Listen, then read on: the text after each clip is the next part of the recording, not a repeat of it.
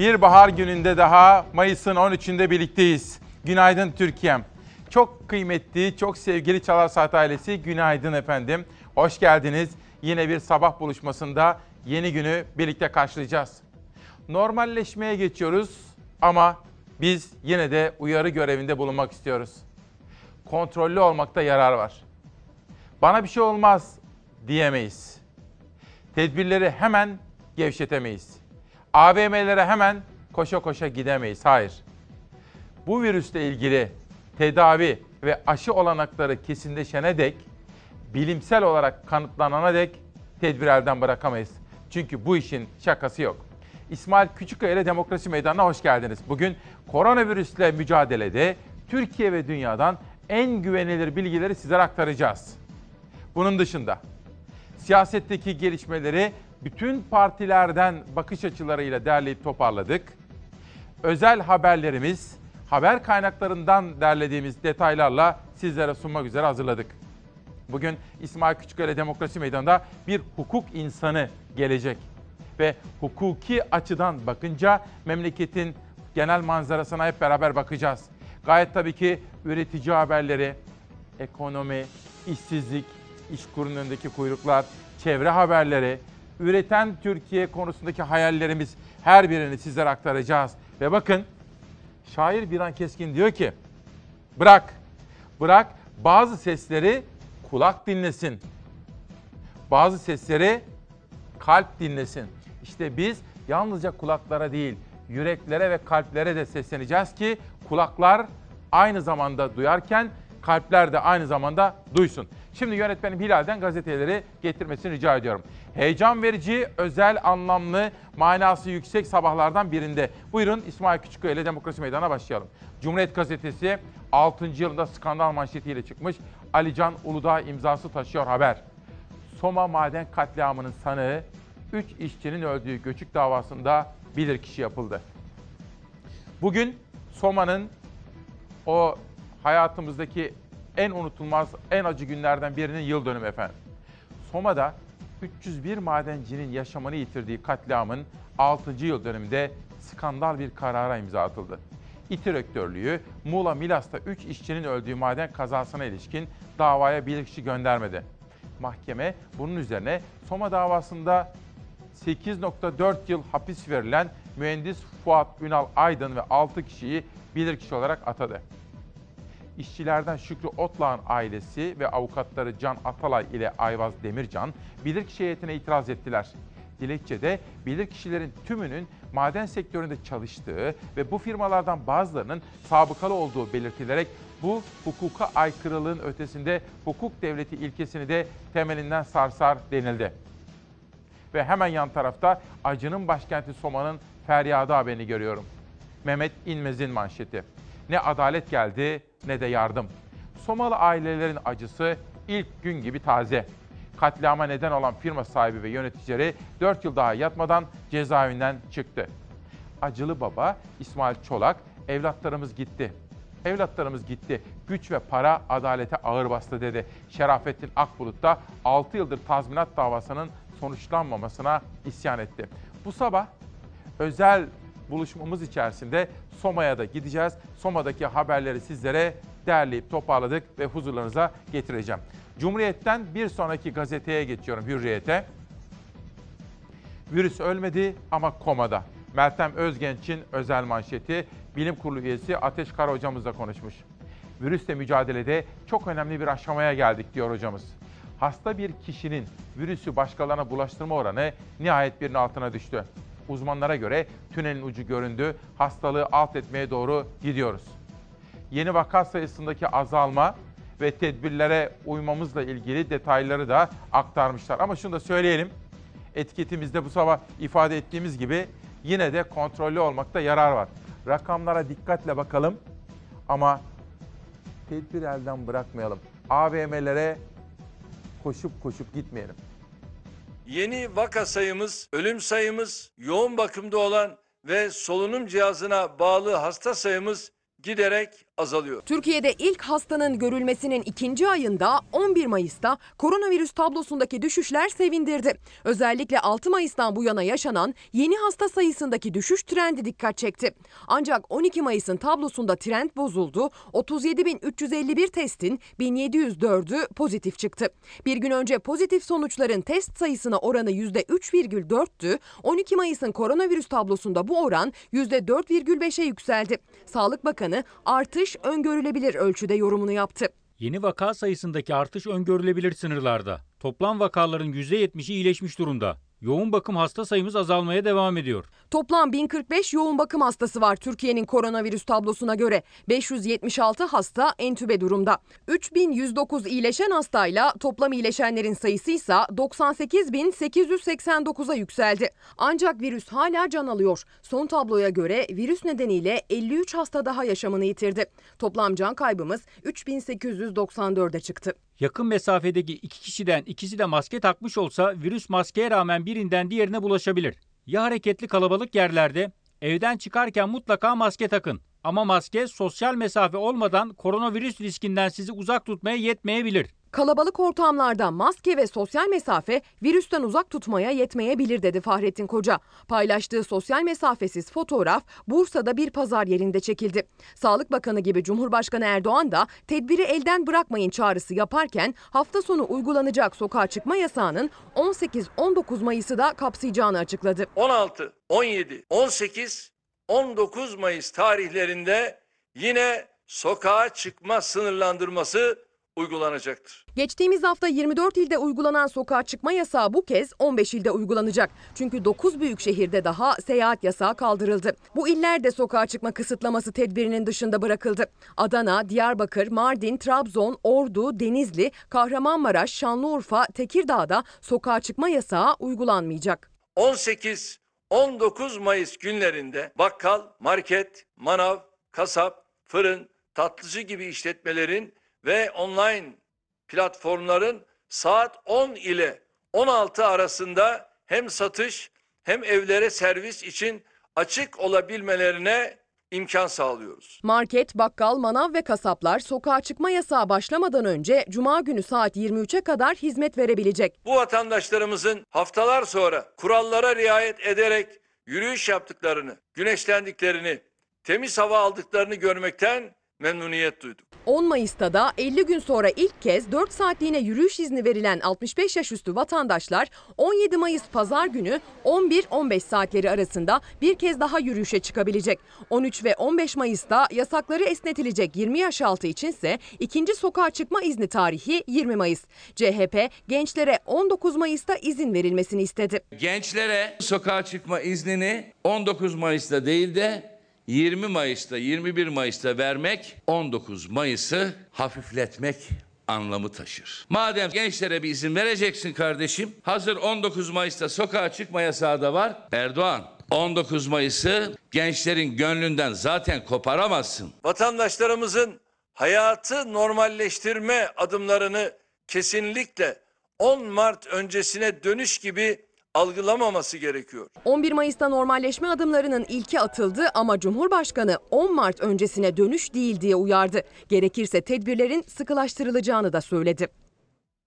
En son bilgileri Ezgi Gözeger güncelledi ve sizlere getirdi. Ben de doğrusu Engin Altay gibi düşünüyorum. Hükümetin ve Sayın Cumhurbaşkanı'nın çocuklarımızın, gençlerimizin sokağa çıkma iznini 19 Mayıs Salı günü vermesi çocuklarımıza bir jest olur. Ülkemizin kurucu önderine ve bu milli bayramımıza da güzel bir katkı olur diye düşünüyorum efendim. Bu konuyu da bugün ve yarın işlemeye devam edelim. Gençlerimizin sokağa çıkma izninin 19 Mayıs Salı günü verilmesini biz de takip edelim. Hürriyet'ten Karar Gazetesi'ne geçiyorum. 13 Mayıs 2020 sabahında hangi manşette çıkmışlar? İşte gün gün normalleşme planı. Haziranda sokak, Ağustos'ta okul. Biraz fazla çabuk değil miyiz acaba? Benim düşündüğümü siz de düşünüyor musunuz? Şöyle bir okuyalım. 27 Mayıs'ta uçuşlar yeniden başlıyor. 12 Haziran'da bahçede cuma namazı toplu olarak kılınabilecek. 15 Haziran'da sınır kapıları açılıyor. 1 Temmuz'da maskeli düğünler serbest. 24 Ağustos'ta okullar bir hafta telafi eğitimi görecek deniyor. Hemen yan tarafa kaydığımız zaman 1 Haziran'da sokağa kısıtlama 19 gün sonra son diyor Karar Gazetesi.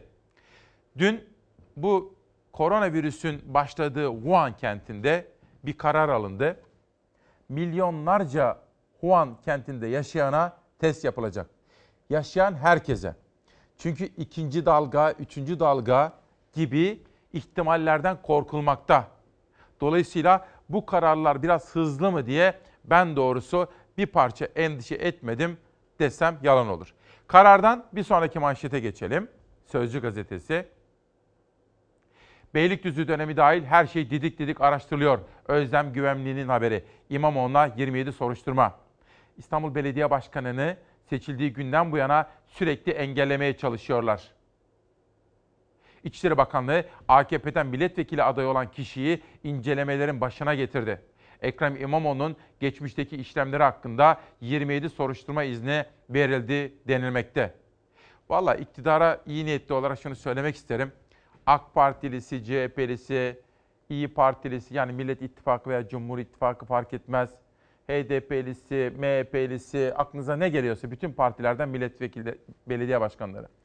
Bence merkezi yönetim onları bir parça rahat bıraksa, onların iş yapmalarını, özellikle sosyal yardımlarda halkımıza ulaşmalarını sağlasa, en azından destek verse ya da destek vermiyorsa bile gölge etmese bence hem kendileri için hem kentlilerimiz için hem de ülkemiz için en doğru kararı verirler diye düşünüyorum. Belediye başkanlarının elini kolunu bağlamak kime zarar verir? Ankara'da mesela Mansur Yavaş asbestli boruları değiştirmek istiyor, onu engelliyorlar. Ankara Mimar Odaları bunu engelleyenlerin halk sağlığını tehlikeye attığı gerekçesiyle mahkemeye başvurdu ve suç duyurusunda bulundu. Dolayısıyla demem o ki, merkezi yönetimin belediye başkanlarının elini kolunu bağlamak yerine onlarla işbirliği ve eşgüdüm içerisinde halkımıza ulaşmakta beraber hareket etmelerinde büyük fayda görüyorum efendim. Sözcüden sonra bir detay daha gelsin. Bu yıl tatil mesafeli olacak diyor Saygı Öztürk. Turizm Bakanı Mehmet Nuri Ersoy'la görüşmüş. Umudunu yerli turiste bağlayan sektörde virüse karşı radikal önlemler alındı. Otele girişten yemeğe hatta plaja kadar sosyal mesafe olacak. Fotoğraflara da şöyle bir bakarsanız ben bugün hem kendi tanıdığım turizmcileri aradım. Mesela Ali Özdağ'ını aradım. Antalya'daydı. Ne olacak Ali dedim. Anlattı.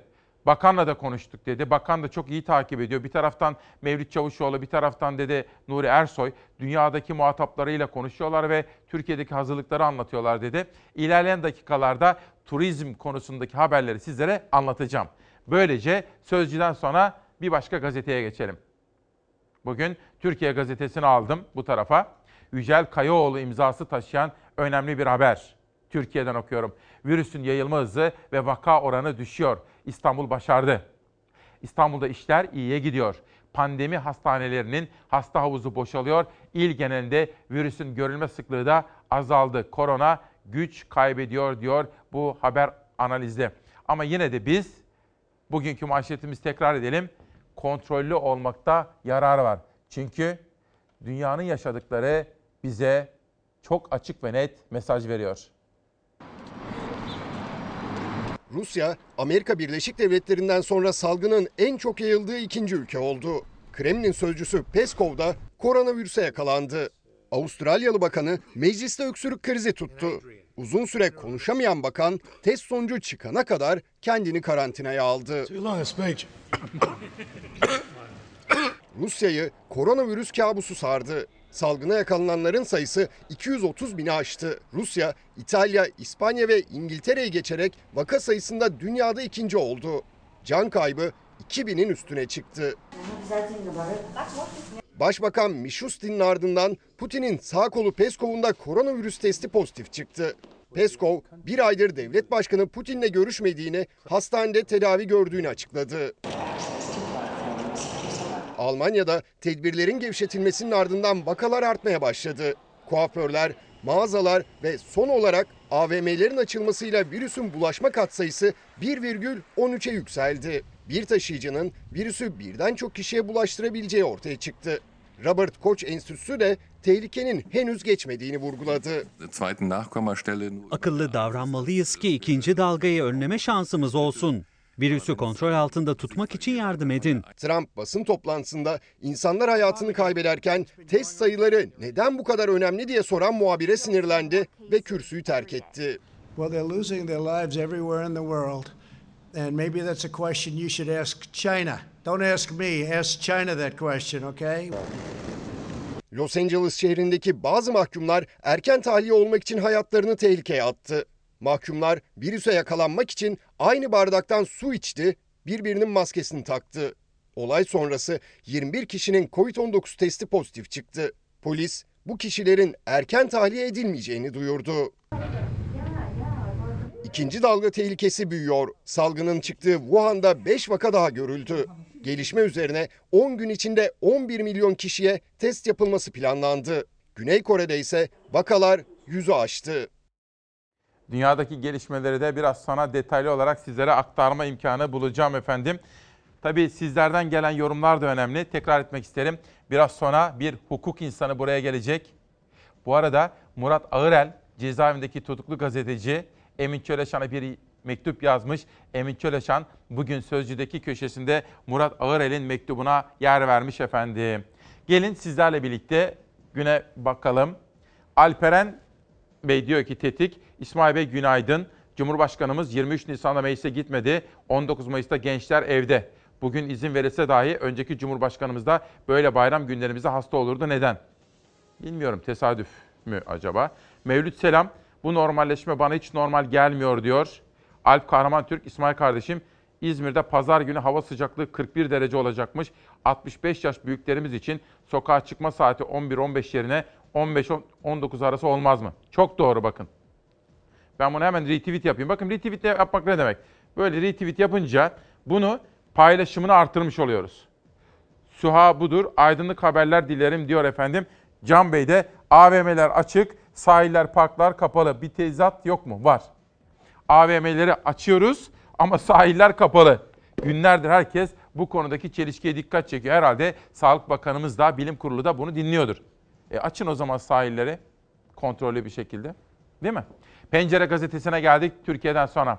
AK Parti darbeyi gündeminden çıkardı. Aslında bir darbe gündemi falan yoktu Türkiye'de. Aklı başında hiç kimsenin gündeminde böyle bir şey yoktu. Çünkü darbe falan olacak diye hiç kimse aklını peynir ekmekte yemiş değil. Memleket öğrendi artık ne yapması gerektiğini. Demokrasiye sığınacak herkes. İktidarı beğenmiyor musunuz? Demokrasiyle değiştireceksiniz arkadaş. Demokrasiyle, seçimle. Bak en son yapılan belediye başkanlığı seçimlerine bakın. Türkiye'nin %60'ının yaşadığı büyük kentleri Millet İttifakı'nın belediye başkanları kazandı. Ha beğeniyor musunuz mevcut iktidarı? Onu da demokrasiyle güçlendireceksiniz. Artık Türkiye bu demokrasi oyununu öğrendi. AK Parti darbe tartışmalarını bitirdi. Sözcü Ömer Çelik muhalefeti darbeyi gündeme taşımakla suçladı. Ardından partisinin duruşunu açıkladı. Gündemimizde darbe yok dedi. Haberin altında, alt spotta darbe çığırtkanlığıyla suçlanan CHP'nin sözcüsü Faik Öztrak konuşmuş. Faik Öztrak, AK Parti'nin bu tartışmaları bilerek köpürttüğünü, gündemi değiştirmek istediğini söylüyor. Ve ama bekledikleri olmadı, oyları düşüyor. Çünkü ekonomide işler hiç yolunda gitmiyor. Halk masallara inanmıyor diyor Pencere gazetesindeki manşette. Bir detay daha var mı bakalım yoksa bir sonraki manşete geçelim. Pencerede. Bakın 400 bin koronalı aramızda. Profesör Mehmet Ceyhan, Türkiye'de en az 400 bin Covid-19'lu var. Bu kişilerin onda 9'u da virüs taşıdığından haberdar değil. Risk çok büyük diye uyardı. Profesör Ceyhan'ın verdiği bilgiye göre her 200 İstanbulludan 3'ü pozitif. Bakın Türkiye gazetesi biraz evvel İstanbul'da sorunun çözüldüğünü söylüyordu. Pembe bir tablo çiziyordu. Pencere gazetesinde bilim kurulu üyemizde 400 bin koronalı. Kendileri bile o virüsü taşıdığını bilmeden aramızda taşıyor diyorlar efendim.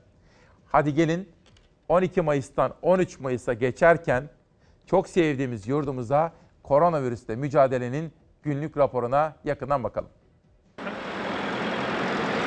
3, 4, 5, Denetimler sıklaştı, kurallara uymayanlara ceza yağdı. Ben de bir de nefes darlığı var takamıyorum.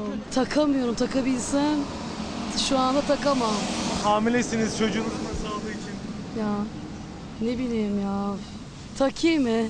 Aracında maskesiz yolcu taşıyan, 80 derece kolonya ya da dezenfektan bulundurmayan, salgın tedbirlerine uymayanlara ceza yağdı. İstanbul Şişli'de trafik ekipleri taksileri denetledi. Aracınızda alacağınız müşterilere yetecek kadar 80 derece özellikle Kolonya, bunu belirtiyorum 80 derece kolonya bulundurmanız gerekiyor. Var mı aracınızda Yok kolonya? dağılmadık. Şu Yeni an çıktım. yok. Yeni çıktım ben. Bununla ilgili işlem yapmamız gerekiyor size. Pek çok taksi şoförünün tedbirleri tamdı. Ancak aracında dezenfektan olmayan bir şoför 3180 lira cezadan kaçamadı. Sadece taksiciler değil, minibüslerde de tedbirlere uymayanlara ceza kesildi. Minibüslerdeki en büyük sorun fazla yolcu taşıma olarak yansıdı kameralara. Fazla yoldan insin lütfen aşağı lütfen. İndireceğiz ya aşağı indireceğiz sizi. En fazla 6 yolcu taşıması gereken minibüsten 16 tane fazla yolcu indirdi polis. İstanbul Kartal'da yapılan denetimlerde kurallara uymayanlara 3180 lira cezai işlem uygulandı. Geç kalıyorlar işine. Gidin bakın hepsi yani şu an yakınıyorlar araba yok diye. Ne yapacağız? Yolcuların binmesine engel olamıyoruz diyen şoförler para kazanamamaktan şikayet ettiler. 6 kişiyle geleceksiniz diyor ve bizim aracımız 1 lira, 1 lira yakıyor kilometrede. Hani bize büyük şehrin bir yardım etmesi lazım. Bu şekilde yürüyemiyoruz. E, en azından bir yakıtımız olsun ya. Yakıtımız olsun biz de kafamıza göre gelelim. Bize hani 6 kişiyle yeter zaten. Allah bereket versin. Bartın'dansa maske mecburiyeti haberi geldi. Bartın valiliği maskesiz sokağa çıkmayı yasakladı. Tedbirleri ben 10 üzerinden 10 olarak değerlendiriyorum. Herkes özgürlüğünün tadını çıkarırken çalışan Kadir amcanın görüntüsü ise sosyal medyada paylaşım rekorları kırdı. 65 yaş üzeri ileri risk grubu pazar günü 4 saatlik özgürlüklerinde parklarda bahçelerde görüntülendi. Ancak o 4 saatlik özgürlüğünü boya sandığıyla ayakkabı boyayarak geçirdi. Fotoğrafı sosyal medyada paylaşım rekoru kıran Kadir amca açıklama yaptı. Yaş kaç abi? Yaş 82. Ben bu işi 60 yıldır yapıyorum. Gitmiş sandığını almış oturmuş oraya bizim hiçbir haberimiz yok. Sıkıldığı için yerinde durmadıkları için bu bizim başımıza geldi. İzmir'in Tire ilçesinde yaşayan Kadir Kayak'ın kızı Nurgül Hanım yaptı açıklamayı. Can sıkıntısından dedi. Belediyenin destek listesinde olan aile ilgiye teşekkür etti. Üç kişi evde yaşıyoruz. Gelip baktılar neyiniz ihtiyacınız varsa Allah razı olsun başkanımızdan. Bize her zaman yardımını yapıyor. Devletimiz de yapıyor. Yani e, hiçbir mağdur durumda kalmadık. Şükür Allah'ımıza. Her zaman annemin bezine, yemeğimize, ekmeğimize hatta hatta elektriğimize dair indirim yapmışlardır. Teşekkür ederim. Bakın ne kadar da renkli görüntüler, önemli görüntüler. Bu arada Gökhan Bozkurt Denizli'den, Mustafa Çelik Antalya Serik'ten iki ayrı gözlem ve habere bizim dikkatimizi çekmeye çalışıyorlar. Dün bu arada hemşireler günüydü. Bütün sağlık çalışanlarıyla birlikte fedakarca çalışan kahraman hemşirelerimizi selamladık öyle değil mi? Her birine teşekkür ettik. Bu konuda Semahat Arsel'den bir mesaj gördüm. Dün bir panel vardı Koç Üniversitesi'nde. Onu da arkadaşlarımdan rica ettim. Eğer bazı görüntüler bulabilirsek sizlere aktaracağız efendim. Çünkü hemşireler günü deyince bu konuya yıllar yılı yatırım yapan, bu konuda fedakarlık yapan Semahat Hanım'ın bu konudaki katkılarını unutmak mümkün değil. Ve işte Bir Gün Gazetesi'nden Dilar, Dilara Şimşek haberi. Hemşireler emeklerinin artık görülmesini istiyor. Salgınla mücadelede ön saflarda yer alan hemşireler emeklerin yok sayılmasından şikayetçi. Halk tarafından değil ama yönetim tarafından yalnız bırakıldık. Okuyalım bakalım Bir Gün Gazetesi editörleri neler söylemişler hemşireler konusunda. Covid-19 ile mücadelede ön safta yer alan hemşireler canları pahasına hayat kurtarıyor. 12-18 Mayıs Hemşireler Haftası'nda SES Genel Sekreteri Pınar İçel, verdikleri emeğin karşılığını alamadıklarını dile getirdi. İnsani çalışma koşulları ve ücretlerinin yükseltilmesini, emeklerin görünmesini ve yok sayılmamayı istiyorlar. Özellikle ücretler arasındaki uçurumun giderilmesini talep ediyorlar. Koronavirüse yakalanıp atlatan 5 yıllık hemşire Fırat Burak Gürhan ise halk tarafından yalnız bırakılmadık. Ama yönetim tarafından yalnız bırakıldık. 3600 ek gösterge vaadi gerçekleşmedi dedi. Virüse yakalanan 32 yıllık hemşire Menekşe Alptekin, kişisel koruyuculara ilk başta ulaşamadık.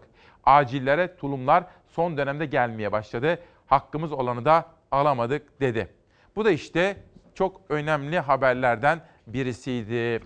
Bir de spor severler o heyecanı gerek parkede basketbol, gerek voleybol, handbol, gerek futbol.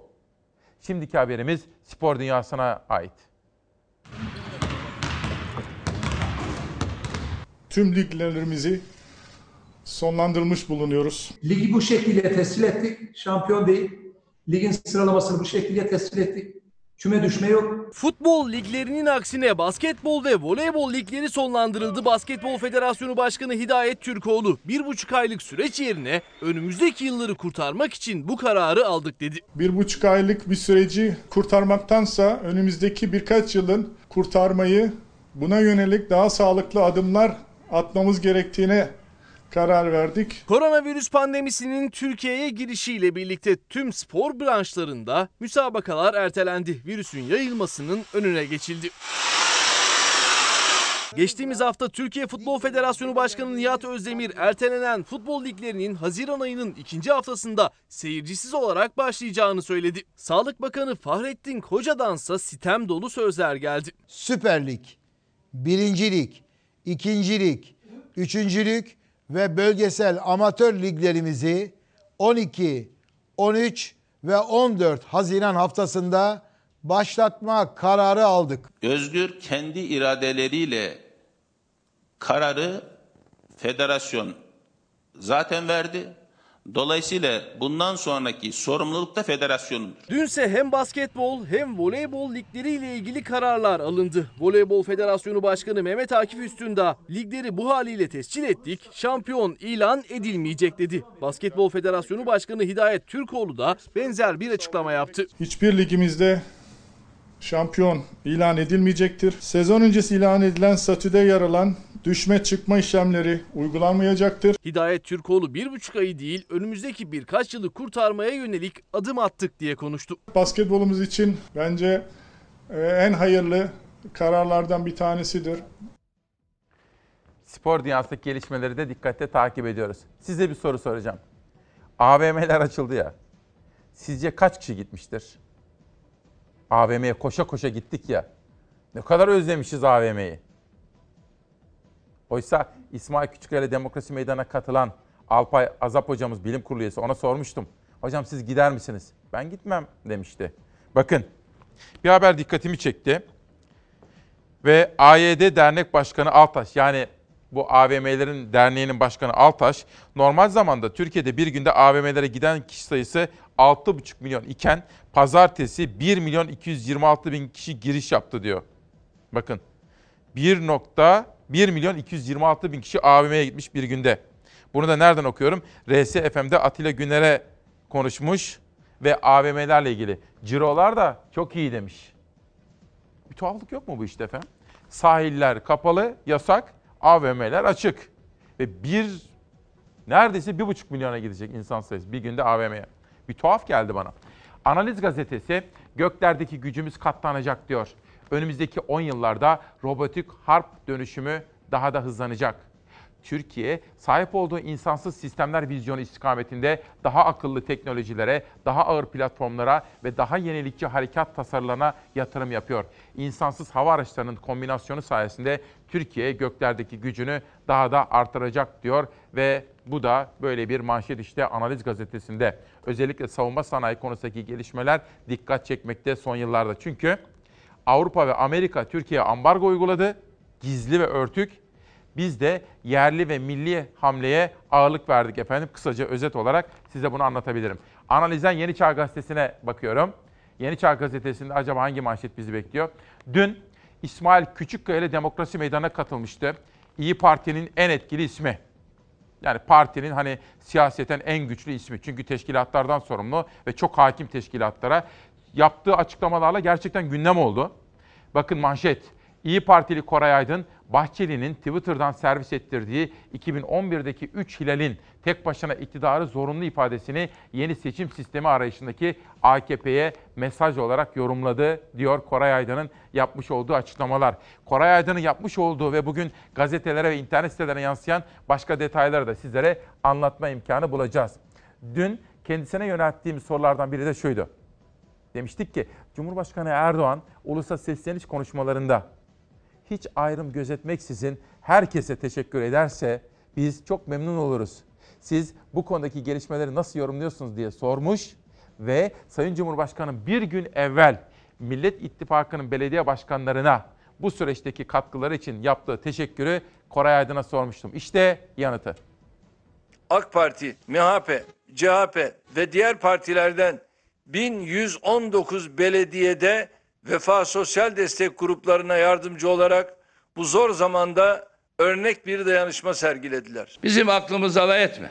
Milletin haliyle dalga geçtiğini biliyoruz. Ya göründüğün gibi ol ya olduğun gibi görün. Cumhurbaşkanının CHP'nin de ismini dile getirerek muhalefet belediyelerine de teşekkürü Millet İttifakı cephesine temkinli karşılandı. Böyle bir dil ve üsluba e, dönmek isteyip istemediği konusunda şu anda karamsar. Bu tür teşebbüsler geçmişte FETÖ ve PKK gibi örgütler tarafından da denenmişti. Koronavirüsün ekonomi etkisinin ilk hissedildiği dönemde İstanbul, Ankara başta olmak üzere Millet İttifakı'na bağlı büyükşehir belediyelerinin bağış kampanyaları durduruldu. Erdoğan o belediyeler için paralel yapı ifadesini kullandı. Neymiş efendim? AK Parti sosyal yardıma hayır diyormuş. Bunların hepsi külliyen yalandır. Kimseden bir sadaka istemiyoruz. Gönlüm isterdi ki bugünkü kararlar siyasi bir karar olmasın. İstanbul gibi Ankara Belediye Meclisi'nde de başkanların almak istediği karar Cumhur İttifakı gruplarına takıldı. Mansur Yavaş'ın asbestli yani kanserojen madde içeren su borularının değişmesi için ihtiyaç duyduğu krediye AK Parti ve MHP grupları onay vermedi. Peçetelerin hepsi ne için? Toplum sağlığı açısından değil mi? Sakarya suyunun tatların toplum sağlığıyla direkt alakası var. 25 milyon nüfusla alakası var Murat Bey. Bu acil Başkanım değilse ben ne başka bir acil? şey söyleyeyim. Bütçeniz var. Kasada da paranız var. Allah muhtaç etmesin size diyeceğim bir şey yok arkadaşlar. Ey Ankaralılar, AK Parti'ye oy veren vatandaşlarım. O belediye meclis üyelerinin yakasına yapışın. Daha bu tartışmalar sürerken Cumhurbaşkanı Erdoğan ilk kez koronavirüsle mücadele döneminde bir kabine toplantısı sonrası Millet İttifakı belediyelerine övdü yardımlarını. AK Parti, MHP, CHP ve diğer partilerden 1119 belediyede Vefa Sosyal Destek gruplarına yardımcı olarak bu zor zamanda örnek bir dayanışma sergilediler. Ümit ediyorum bir başlangıç olur. Belediye meclislerinde çoğunluk bizde ey İstanbul, ey Ankara istediğiniz gibi bütçeyi çıkaramazsınız, çıkartmam dedi. Dün de teşekkür etti. Sayın Erdoğan'a şunu sormak, söylemek zorunda. Senin karşında aklıyla alay edilecek hiç kimse yok. CHP, Cumhurbaşkanı'nın yakın geçmişteki sözlerini İstanbul ve Ankara belediye meclislerinde yaşananları hatırlattı. Erdoğan'ın muhalefet belediyelerine övgüsünü samimi bulmadı. Ankara Büyükşehir Belediye Başkanı Mansur Yavaş ise AK Parti ve MHP gruplarının kredi için onay vermediği Polatlı'ya su taşıyan asbestli boruların değişimi için ihaleye çıkma kararı aldı. İnanın hiç kavga zamanı değil, kavga dövüş zamanı, rekabet zamanı değil, işbirliği yapma zamanı efendim. Arzu Hanım ve bütün hemşireler bir kere daha kutluyoruz sizleri. Ali Aydeniz, ben Çanakkale Eceabat'tayım. AVM'lere gitmek serbest, sahilde dolaşmak yasak. Bence bilim kurulu bu sesi duymalı efendim. Buradaki çelişki herkes dikkat ediyor. Ardahan'dan Fakir Yılmaz, Ardahan'dan merhabalar Çalar Saat ailesi. Çoğu sözlü olan önlem, genelge ve yasaklar yarın bize resmi evrakla geri geleceğini ve bunların çoğunun da vergi, ceza, iflas, sıfırdan başlama, fakirin daha da yoksul olmasını şimdiden görmemiz gerekiyor. Fakir Yılmaz gazeteci. Tolga Çandar bir sanatçımız, kıymetli bir sanatçımız. Sevgili İsmail kardeşim, seni dinlerken aklıma bir tarif geldi. Tarih insanların geçmiş deneyimlerinden ders alma yeteneği olmadığı gerçeğinin durmaksızın tekrarlanmasıdır diyor. Sevgiyle kal, güzel yürekli kardeşim demiş Tolga Çandar'ı da saygıyla selamlıyorum. Ders alalım ve geçmişteki hataları tekrarlamayalım diye işte biz burada her sabah halkımızla buluşmaya, hakikati konuşmaya devam ediyoruz. İşte bugün 13 Mayıs'ta biz bir Çalarsat gazetesi yaptık. 13 Mayıs 2020. 13 Mayıs'ta bir yıl dönümü, acı bir gün. Hayatımız boyunca unutmadığımız ve unutamayacağımız, unutursak kalbimiz kurusun dediğimiz bir gün. Soma Madenci Şehitliği'nden bir fotoğraf hatırlar mısınız? İki yıl üst üste Soma'ya gitmiştik ve şehitlikten yayınlar yapmıştık. Bugün işte bu konudaki haberleri de derleyip toparlayıp sizlere anlatacağız Soma. Neden? Çünkü şairimiz Birhan Keskin'in dediği gibi bırak, bırak bazı sesleri kulak dinlesin, bazı sesleri kalp inlesin. Biz yalnızca kulaklara değil kalbe de hitap etmek istiyoruz.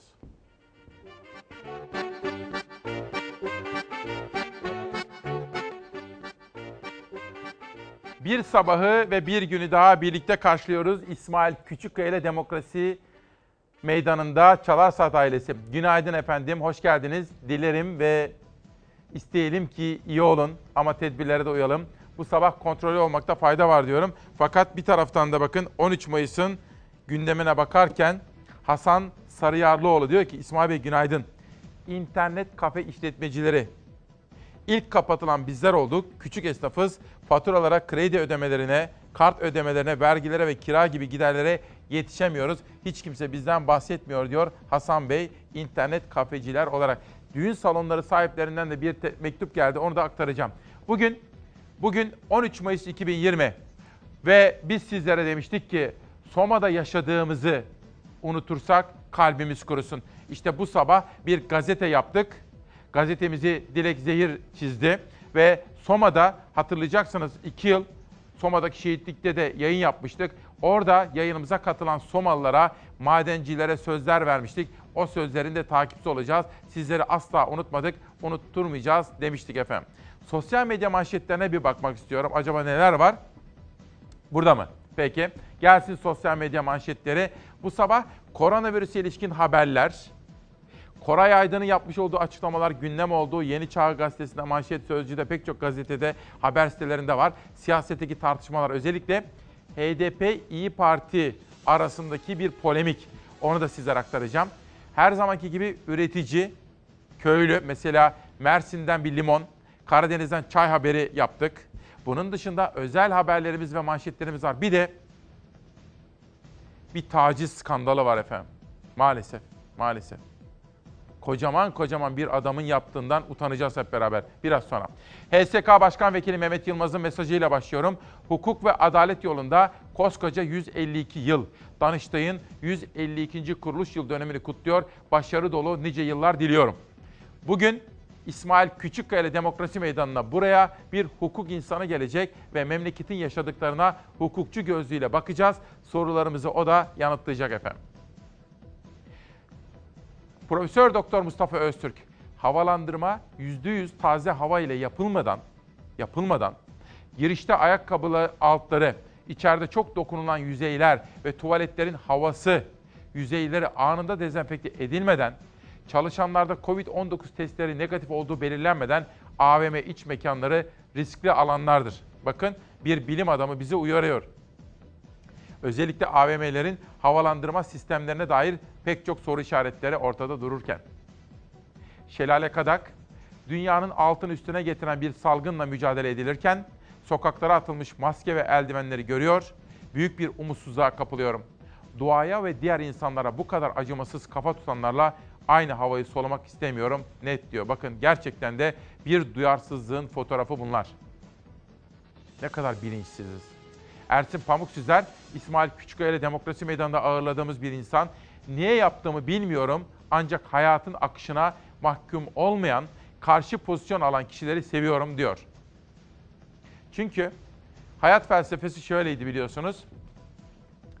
Değiştirebileceğimiz şeyleri değiştirmek üzere akıl, güç, irade ve hedefleme.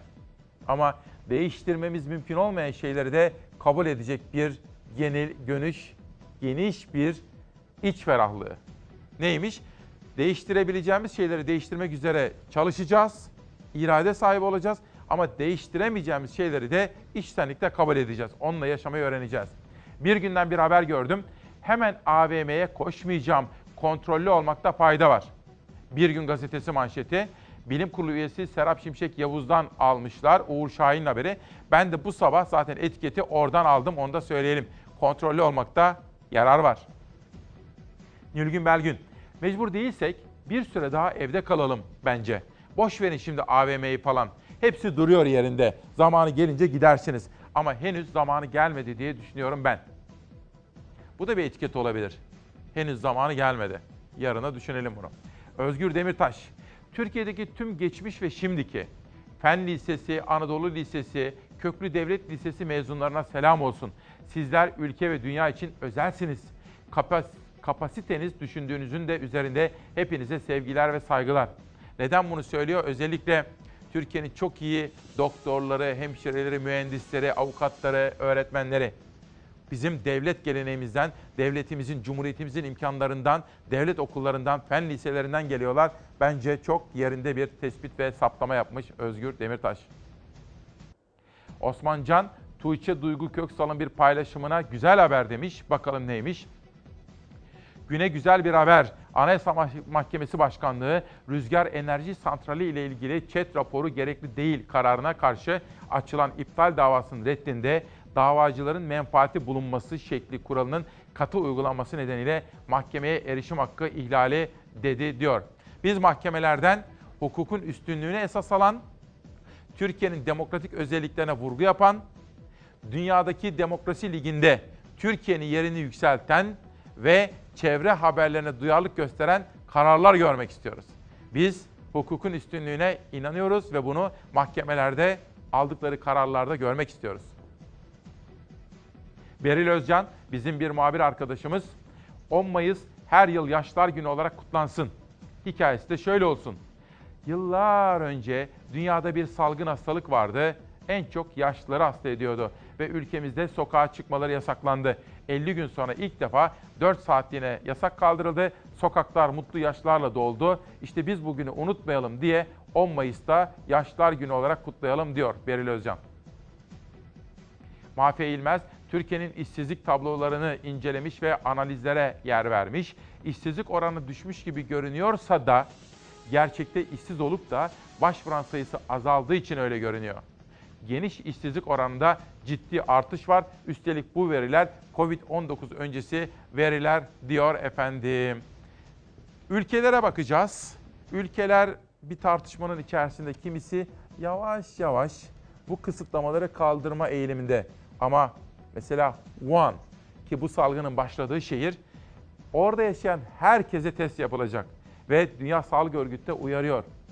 Kontrolsüz bir şekilde acele edilerek bu kısıtlamalar kaldırılır, önlemler gevşetilirse dünya ikinci, üçüncü, dördüncü hatta beşinci salgını bile yaşayabilir. Ülkeler teker teker normal yaşama geri dönmeye başladı. İnsanlar tekrar sokakta kahvelerini yudumladı. Virüsün görüldüğü ilk ülke olan Çin'de ise dünya ünlü eğlence parkı kapılarını açtı. Geçtiğimiz hafta kademeli olarak tedbirleri kaldıran İspanya'da ticari işletmeler açıldı. İnsanlar sevdikleriyle restoranlarda, kafelerde oturarak sohbet etti. Eski günlerden tek farkı herkesin maske takması oldu.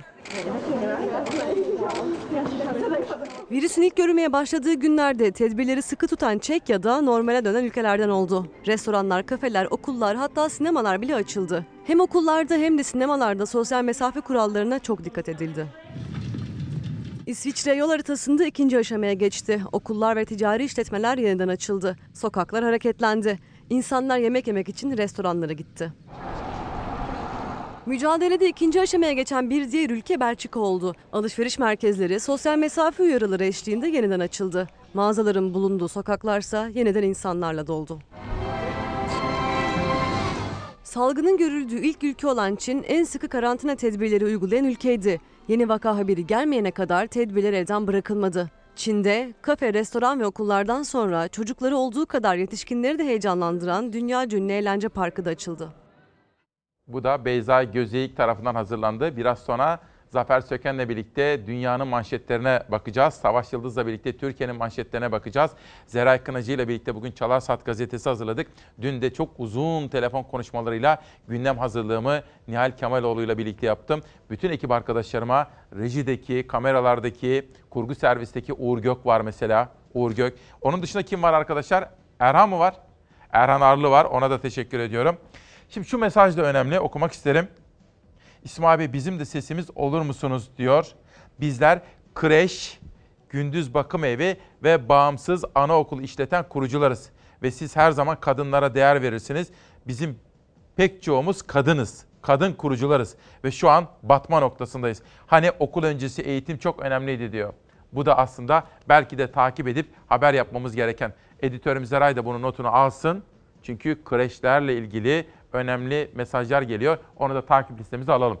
Yerel gazetelere şöyle bir bak bakış. Pardon, yerele geçmeden önce ikinci tur gazeteleri verelim. Sonra yerel ve dünyaya bakalım. Şimdi son söz. Son sözde bir manşet. Fox TV'nin Çalar Saat programına konuk olan bilim insanlarını İsmail Küçükkaya sayesinde gördük ve gurur duyduk diyor. Beyin göçünü durdurmalıyız. Cafer Külahlıoğlu'nun manşeti. Dedim ki bu kadar kıymetli yetişmiş bilim insanlarımız neden ülkemizde görev almıyorlar da Amerika ve Avrupa'nın çeşitli ülkelerinde çalışıyorlar. Ankara gazetesi son söz bir duyarlılık sergilemiş ve bu manşeti atmış. Ama şunu söyleyeyim. Burada demokrasi meydanında başka yerlerde gördüğünüz insanlar değil, bilimsel bilgiye inanan, şov yapan değil, bilimsel eğitimin ışığından, bilimsel eğitimin ve bilginin süzgecinden geçip de damıtılmış en güvenilir bilgileri sizlere aktaracak insanları seçmeye çalışıyoruz. Ve her zaman söylüyoruz. Bu ülkemizin, cumhuriyetimizin, hayattaki en hakiki mürşit ilimdir diyen Mustafa Kemal Atatürk'ün kurucumuzun aslında ne kadar büyük bir başarıyı imza attığını gösteriyor. Bugün biz bu salgınla mücadele ediyoruz ya, doktorlarımız sayesinde. İşte Cumhuriyetimizin o eğitiminin doktorlarımızı getirdiği bir nokta ülkemizin her bir ferdini gururlandırmalı efendim. Ne kadar gururlansak azdır o çalışanlarımızla. Bir sonraki manşete geçelim. Son sözden aydınlığa geçiyorum. Bu sabah hem Mersin'deki limon üreticileri hem de Karadeniz'deki çay üreticileriyle ilgili haberleri sizlere aktaracağım. Ercan Küçük incelemiş aydınlıkta. Çay üreticisi memnun değil. Çaykur'un çay alım fiyatı 3.40 lira olarak belirlendi. 3 lira 40 kuruş. Fiyatlara tepki gösteren üretici bizim değil özel sektörün istediği oldu dedi. İlerleyen dakikalarda bu konuyu çok detaylı olarak sizlere aktaracağım efendim. Bölgeden gelen haberleri seçtik. Haberi şu anda hazırlanıyor. Bittiği zaman sizlere sunacağım. Bir sonraki gazete. Bir günden bir manşet geliyor. Esnaf tefecinin pençesine düştü. Hüseyin Şimşek haberi. Koronavirüs salgını sayıları 1 milyon 700 bini geçen esnafı derinden etkiledi. Salgın nedeniyle yaklaşık 500 bin esnaf 2 aya yakın süre dükkanlarını hiç açamadı. Bu süreçte bankalardan kredi alamayan esnaf komisyon karşılığı borç veren kişilerin kapısını çaldı. İlk talepleri Haziran'daki prim ödemelerinin ertelenmesi diyor efendim. Bir sonraki gazete dursun. Ben yönetmenim Hilal'den Çalar Saati getirmesini rica edeceğim. Soma ile ilgili bir haber. Bu arada bir mesaj okuyalım. Akif, İsmail abi bir ricam var. Hafta sonları Gülbin ablayı çok seviyorum, çok izliyorum diyor. Beni tanıştırır mısın diyor. Gülbin kardeşime bir selam söylüyor Akif kardeşim. Bir başka mesaj. Ceyhun Seker kontrollü olmakta yarar var. AVM'de şu an açılan mağazalar gerekli önlemleri aldı mı? Acaba hiç sanmıyorum diyor.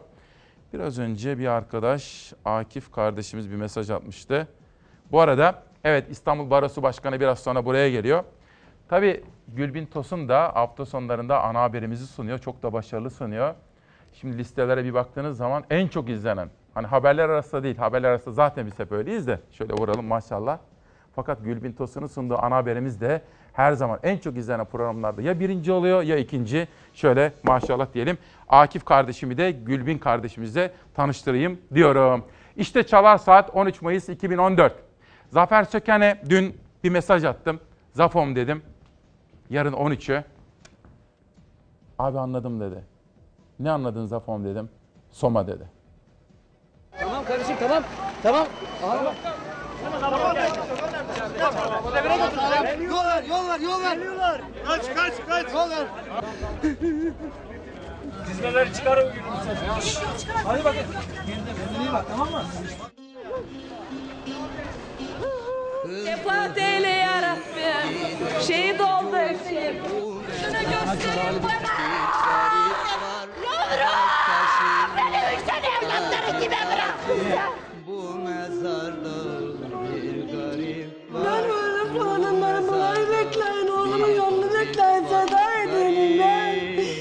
Garip, garip, garip.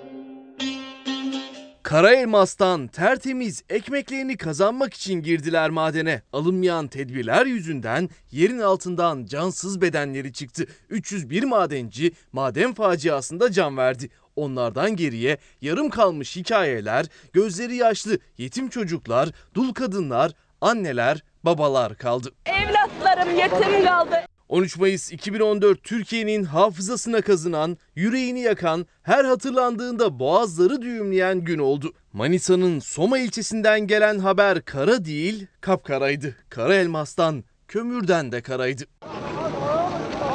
Hangisi? Soma'daki madende saatler 15'i vurduğunda yangın çıktı. Tam da o saat vardiya değişimiydi. Madende iki vardiyadan da madenciler vardı. 787 madenci yerin altında mahsur kaldı. Yollar yollar yollar. Geliyorlar. Kaç kaç kaç. Yollar. Kurtarma çalışmaları günlerce devam etti. Aşağıda yerin altında cam pazarı, yukarıda geçmek bilmeyen saatlerde uyku görmeyen gözler vardı. Kurtarılanlarınsa aklında sadece arkadaşları. Mahmut'u gördünüz mü? Çıktı. Bak Mahmut'u. Çıktı çıktı. çıktı. Mahmut'u gördünüz mü? Al çıktı çıktı çıktı. Ya herkes çıktı diye kimse sen inanmıyorsun ya. Kurtarılan ne kurtarıldığına sevinebildi ne soluduğu havaya ne de uzandığı sedyeye şükredebildi. Neler çıkarın Hadi bakın. Kendine bak tamam mı? Saatler ilerledikçe yürekler yandı. Zaman canları alıp giderek geçti. İsim listeleri tek tek okundu. Her okunan isimde bir feryat koptu. Her duyulan anonsta bir ocağa ateş düştü. Ya ötekileri yaslamak için. Maden faciasından sonra 3 gün ulusal yaz ilan edildi. Ama madencilerin ailelerinin özlemi günlerle sınırlı kalmadı. Facianın üzerinden geçen 6 yılda acılara özlem eklendi. Unutulur gibi değil değil mi? Burada olduğum her zaman, her Mayıs'ın 13'ünde Soma'yı hatırlayacağız efendim. TC Selda Gökgöz, hani biraz evvel arkadaşımız diyordu ya Akif, ben Gülbin ablayla tanıştırmak istiyorum. Ben de Gülbin kardeşimin başarılarından bahsetmiştim. Ben de seninle tanışmak istiyorum diyor güzel kardeşim. Selda, güzel kardeşim. Biz seninle koronadan sonra tanışacağız. Bir gün buraya gelirsin diyorum. Ayşegül arkadaş da bir mesaj atmış. Şimdi biraz evvel bir mesaj vardı. Abi diyor Ankara'da Mansur Yavaş'ın asbestli boruları değiştirmek ve Ankara halkına sağlıklı içme suyu temin etmek konusundaki çalışmalarını muhalefetin belediye meclis üyeleri neden engelliyorlar? Ben de bunu anlayamıyorum gerçekten. Çünkü onlar da Ankara'da yaşıyorlar. Onların aileleri de Ankara'da yaşıyor. Mesela ben öyle bakarım. Benim annem de orada yaşıyor. Kardeşlerim orada yaşıyor. Oradaki o yalnızca siyasi gerekçelerle bir belediye başkanı elini kolunu bağlarken aslında ne kadar yanlış yaptıklarının farkında değiller mi acaba? Bakın askıda fatura kampanyası, yüz binlerce insanın faturası ödeniyor. Ya da biraz sonra İşkur haberini göreceksiniz. Orada üç çocuk sahibi bir işsiz kadın İşkur'un önünde. Açıklamalarının içinde bir detay var. Diyor ki, nasıl geçiniyorsunuz diyor. Nasıl geçineyim? 670 lira diyor ev kirası ödüyorum. Geçen ay ödedim ama bu ayı ödeyemedim diyor. Evet.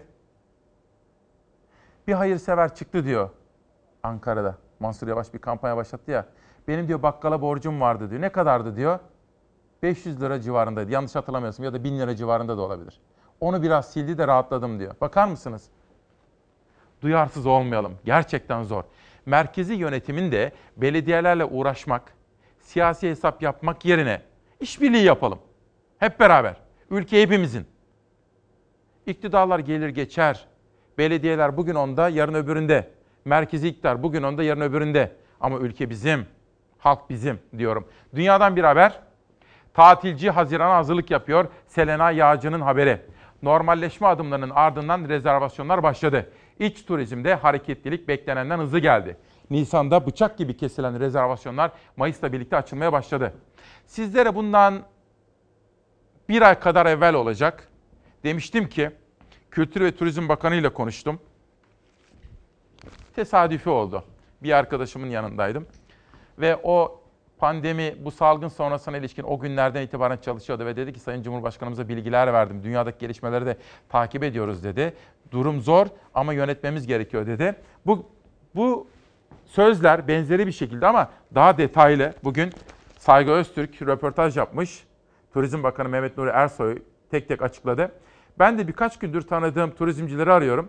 Bugün de Yusuf Hacı Süleymanoğlu'nu arayacağım. Antalya'da o bir turizm emekçisidir. Dün de Ali Özdoğan'ı aradım. Dedi ki bir taraftan Sayın Bakan Ersoy, bir taraftan da Sayın Dışişleri Bakanı Çavuşoğlu elde telefon sürekli dünyadaki muhataplarıyla konuşuyorlar.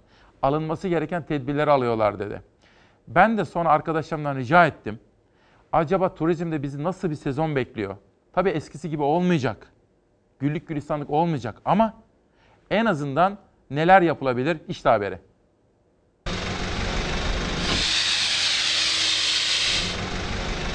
Açık büfe, şezlonglar, havuz başı, odalar. Otellerde tüm sistemler değiştirildi. Temassız bir tatil için hazırlık yapıldı. Odalara giriş çıkış için kullanılan kartlara, anahtarlara kadar yenilikler var. Koronavirüs tedbirleri sezon yaklaştıkça sıklaştırıldı. Anahtarı ortadan kaldırıp tamamen dijital ortamda kendi akıllı telefonlarına QR kodu yüklenerek o QR koduyla e, oda kapılarını açıp e, kendi odalarındaki aydınlatma, klima sistemleri, e, kapının açılıp kapanması e, gibi bütün sistemleri kendi telefonu üzerinden kullanabileceği bir sistemi geliştirdik. Kapı açma işlemini el değdirmeden yapabiliyoruz. Kapımız şu anda açıldı. 5 yıldızlı otellerde artık oda anahtarı kullanılmayacak, akıllı telefonlar devreye girecek. Haziran ayında misafir kabul etmeye başlayacak otellerde hummalı bir çalışma var. Antalya en yoğun hazırlıkların olduğu bölge. Check-in işlemleri yapılırken personelle herhangi bir temasının olmaması, herkesin sağlığını maksimum düzeyde e, düşünecek, riskleri minimum düzeye indirecek bir senaryoya kendimizi hazırlıyoruz. Tüm senaryolar değerlendirildi. Odalarda sıvı geçirmeyen kılıflar, hijyenik poşetler devreye girdi. Tatilciler otele giriş yaptığı andan itibaren basılacak düğmeye. Girişte hem kişiler hem de valizleri dezenfekte edilecek. Sağlık kontrolü yapılacak. Otel kapasiteleri metrekare hesabına göre belirlenecek. Kapasitenin üzerinde misafir kabul edilmeyecek. Hepsi genelgede belirtilen sosyal mesafe e, aralıklarına uygun bir şekilde düzenleniyor. Biz 1200 yatak kapasiteli bir oteliz.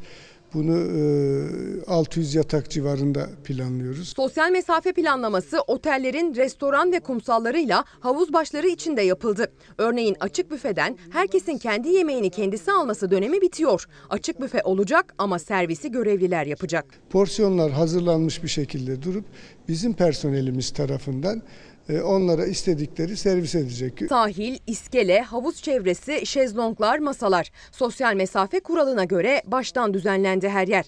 5 yıldızlı otellerin virüse kapısı kapalı. Ancak tatilciler için Haziran ayında kapılar açılacak. Şimdi bizim Hilal tabii görüntüyü gördü, denizi, güneşi. Ay dedi canım nasıl istedi dedi. Tabii öyle sıkıldık aslında bakmayın. Neden sıkıldık? Çünkü evde hapsolup kaldık ama sağlık için ne yapalım? Geçecek. Bu da geçer yahu bizim Ahmet İnam hocamızın. Kulaklara küpedir. Hep öyle derdi. Bu derdi yatak odanızın başına asılacak bir söz. Bu da geçer yahu. Geçer. Neler geçmedi ki? Ne acılar çekmedik ki? Neslimiz çok acılar çekmiştir ama üstesinden geç, gelmeyi bilmiştir. Acıyı bal eyleyen bir kültürden geliyoruz. Bu unutulmaya. Dünyadan Cumhuriyet'e geçiyorum. Bakalım Cumhuriyet'te ne var? İşte gerçek kira. Tuncay Molla Veysoğlu'nun manşeti. Türkiye Büyük Millet Meclisi'nden saklanan, şehir hastanelerine ödenen sır parayı açıklıyoruz. Şehir hastanelerinin kiraları katlanarak artıyor. Kur farkı yansıtılınca ilk kira ile gerçekleşen bedel arasında uçurum ortaya çıkıyor. Devlete yıllık 319 milyon liraya kiralanan Etlik Şehir Hastanesi'nin kirası Mayıs ayı kur hesabı ile 1.3 milyar lirayı aştı. 289 milyon liraya kiralanan Ankara Bilkent Şehir Hastanesi'nin kirası 1.1 milyar liraya ulaştı. 242 milyona kiralanan Bayraklı Şehir Hastanesi'ne 940 milyon, 94 milyona kiralanan Elazığ Şehir Hastanesi'ne 374 milyon lira kira ödeniyor diyor Cumhuriyet Gazetesi'nin bugün birinci sayfasındaki manşet haberde Tuncay Molla haberinde şehir hastaneleri tartışması ve bir sonraki gazete Milliyet'te turizm haberi var. Turizmi sizlere detaylı anlattım ama birazcık şöyle okumak isterim. Koronavirüse karşı altyapılarını hazırlayan Akdeniz ve Ege'deki oteller rezervasyon almaya başladı. Ancak bu yaz tatil öncekilere benzemeyecek diyor. Şunu söyleyeyim mesela. Sabah İzzet Çaba, o da bir turizmci, turizmdeki gelişmeleri izler. Onun bir tweetinde gördüm. Yunanistan ülkeye gelecek turistler için 3 gün önce alınmış en geç, eski tarih değil, 3 gün içerisinde alınmış en geç bir sağlık raporu istiyor. Ve göstermeniz gerekiyor sınırda geçerken. Çünkü riske giremez kimse. Kimse riske giremez. Değil mi? Ve bir sonraki gazeteye geçelim. Bakalım ne var Milliyet'ten sonra. Karar Gazetesi. Bu sistem 2023'e kadar dayanmaz. Babacan'dan erken seçim değerlendirmesi. Dün BBC Türkçe'de Ayşe Sayan'ın sorularını yanıtladı Ali Babacan ve Deva Partisi'nin bundan sonraki hedefleriyle ilgili açıklamalarda bulunurken dedi ki böyle bir baskı ortamında yeni bir siyasi hareket başlatmak aslında ciddi bir risk. Erken seçim tartışmalarına da değinmiş. Benim apar topar bir erken seçim beklentim yok. Ama 2023 Haziran'ına kadar Türkiye dayanır mı? Sistem dayanır mı? O ihtimalde çok zayıf. Seçim ihtimalini 2021-2022'de biraz daha yüksek görüyorum dedi. Yani bu sene değil ama gelecek yılda mutlaka seçim olabilir diye düşünenler var. Dün buraya Koray Aydın gelmişti. İyi Parti'nin tabii çok etkili bir ismi. Hani onu da tanı, tanımam benim çok uzun yıllardır muhabirlik günlerime gelir. Teşkilatlara hakim bir isimdir. Yani İyi Parti'nin böyle siyasi gelişmelerine falan baktığınız zaman Koray Aydın ne diyor? Ben zaman zaman görüşlerine başvururum onun. Dün davet etmiştim ve bir soru sormuştum. Dedim ki siz Trabzon'dan, ülke ocaklarından geliyorsunuz. MHP lideri Sayın Devlet Bahçeli'yi de iyi tanıyorsunuz. O geleneği bilirsiniz. Devlet Bahçeli de öyle boşu boşuna konuşmaz, boşu boşuna konuşturmaz demiştim. Ve Semih Yalçın'ın Bahçeli'nin 11 yıl önceki, daha doğrusu 2011 yılındaki, 9 yıl önceki bir paylaşımı yeniden tedavüle sokulmuştu. Buna Bahçeli mutlaka onay vermişti ki özel kalem müdürü de retweet etmişti. Bunu sormuştum. 3 Hilal'in tek başına iktidarı zorunlu ifadesini sormuştum. Hem bu konuda hem de İyi Parti HDP hattında özellikle Sırrı Süreyya Önder bir tartışmanın fitilini ateşleyiverdi. Bu konularda bakın Koray Aydın neler söyledi. Dün bize aracı gönderen, şurada kiminle çalışalım, nasıl çalışalım, şunu nasıl yapalım diye fikrimizi merak eden bir siyasal parti bugün bize koordinat biçemez. İyi Parti'yi kastediyorum. Ne benim ne arkadaşlarımın HDP'ye biz nerede ne yapalım diye soru sormuşluğumuz gayri resmi, resmi e, kesinlikle yoktur. İsnat eden bunu e, ispat etmekle görevlidir. HDP'li Sırrı Süreyya Öner'in İyi Parti bize aracı gönderdi sözü sonrası siyaset ısındı. İyi Parti lideri Meral Akşener Sırrı Süreyya Önder'e ispat et derken iktidardan yapılan açıklamalara karşı İyi Parti arşivi açtı. Sırrı Süreyya Önder'in çözüm sürecinde yaşananlara dair meclis kürsüsünde yaptığı konuşmanın videosunu paylaştı. Yerel seçimlerde görüldü ki böyle açık bir ittifak var. E şimdi Sırrı Süreyya Önder diyor ki Sayın Cumhurbaşkanı o zaman başbakandı diyor. Beni aradı. Kandil'e gittiniz ne oldu diye sordu. Sırrı Süreyya'dan madem öyle gelin böyle. Sayın Cumhurbaşkanı o zaman başbakandı beni aradı. Kandil'e gittiniz ne oldu dedi. Bunun devamını mahkemelerde söyleyeceğiz. İyi Parti HDP'yi nereye konumlandırıyor? PKK terör örgütünün yanına konumlandırıyor. İyi Parti lideri Meral Akşener Haber Global televizyonunda katıldığı programda partisinin HDP'ye bakışını açıkladı. PKK'nın yanında konumlandırıyoruz dedi. Günler sonra bu sözlere eski HDP milletvekili Sırrı Süreyya Önder yanıt verdi.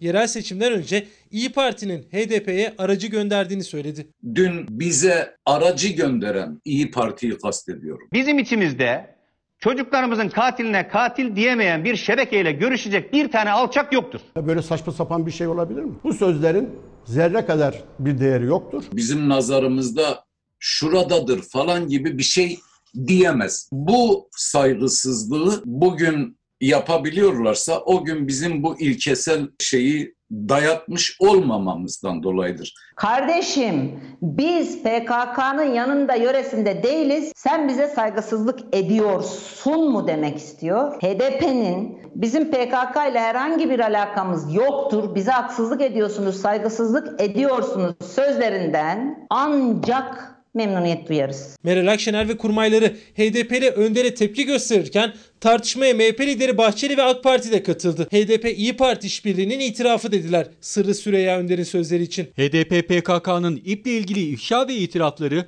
İP'in HDP'ye aracılar gönderip icazet arayışları uzun bir süredir kimlerin masa başı çalıştığını fazla zahmete gerek bırakmadan ispatlamıştır. Biz İyi Parti'yiz. HDP'ye adam göndermeyi, HDP ile irtibat kurmayı, böyle bir usulü meşru görseydik Cumhur İttifakı'nın içinde olurduk biz. Biz Cumhur İttifakı'nın nasıl bir ittifak olduğunu vatandaşımızla açık bir şekilde paylaşıyoruz. Millet İttifakı'na baktığımızda bir gizemlilik, Sanki AK Parti ile karşılıklı anlaşma çerçevesi içerisinde ben dile getirildiğini düşünüyorum. Meral Akşener de kurmayları da İyi Parti'nin HDP'ye aracı gönderdiği iddiasını yalanladı. Sırrı Süreyya Önder ise yeni bir açıklama yapmadı.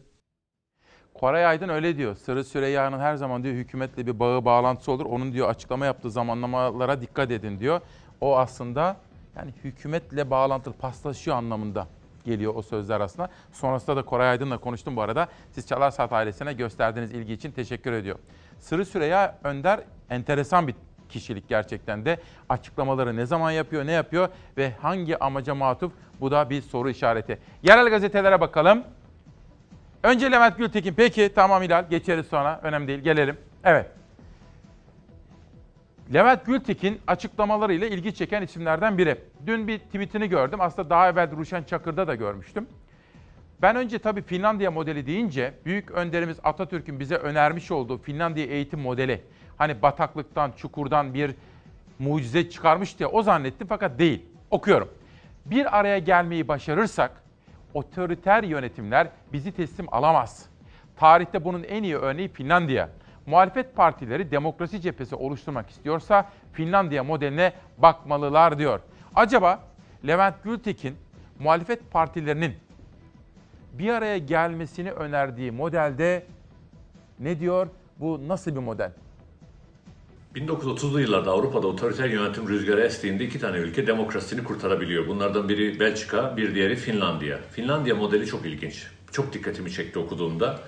Ee, Finlandiya şöyle yapıyor. Farklı kesimlerden muhalif partiler var ve bir araya gelemiyorlar bir türlü. Şöyle bir karar veriyorlar. Bir hareket kuruyorlar. Adı yasallık hareketi. Her partinin önemli siyasetçisi istifa edip harekete katılıyor.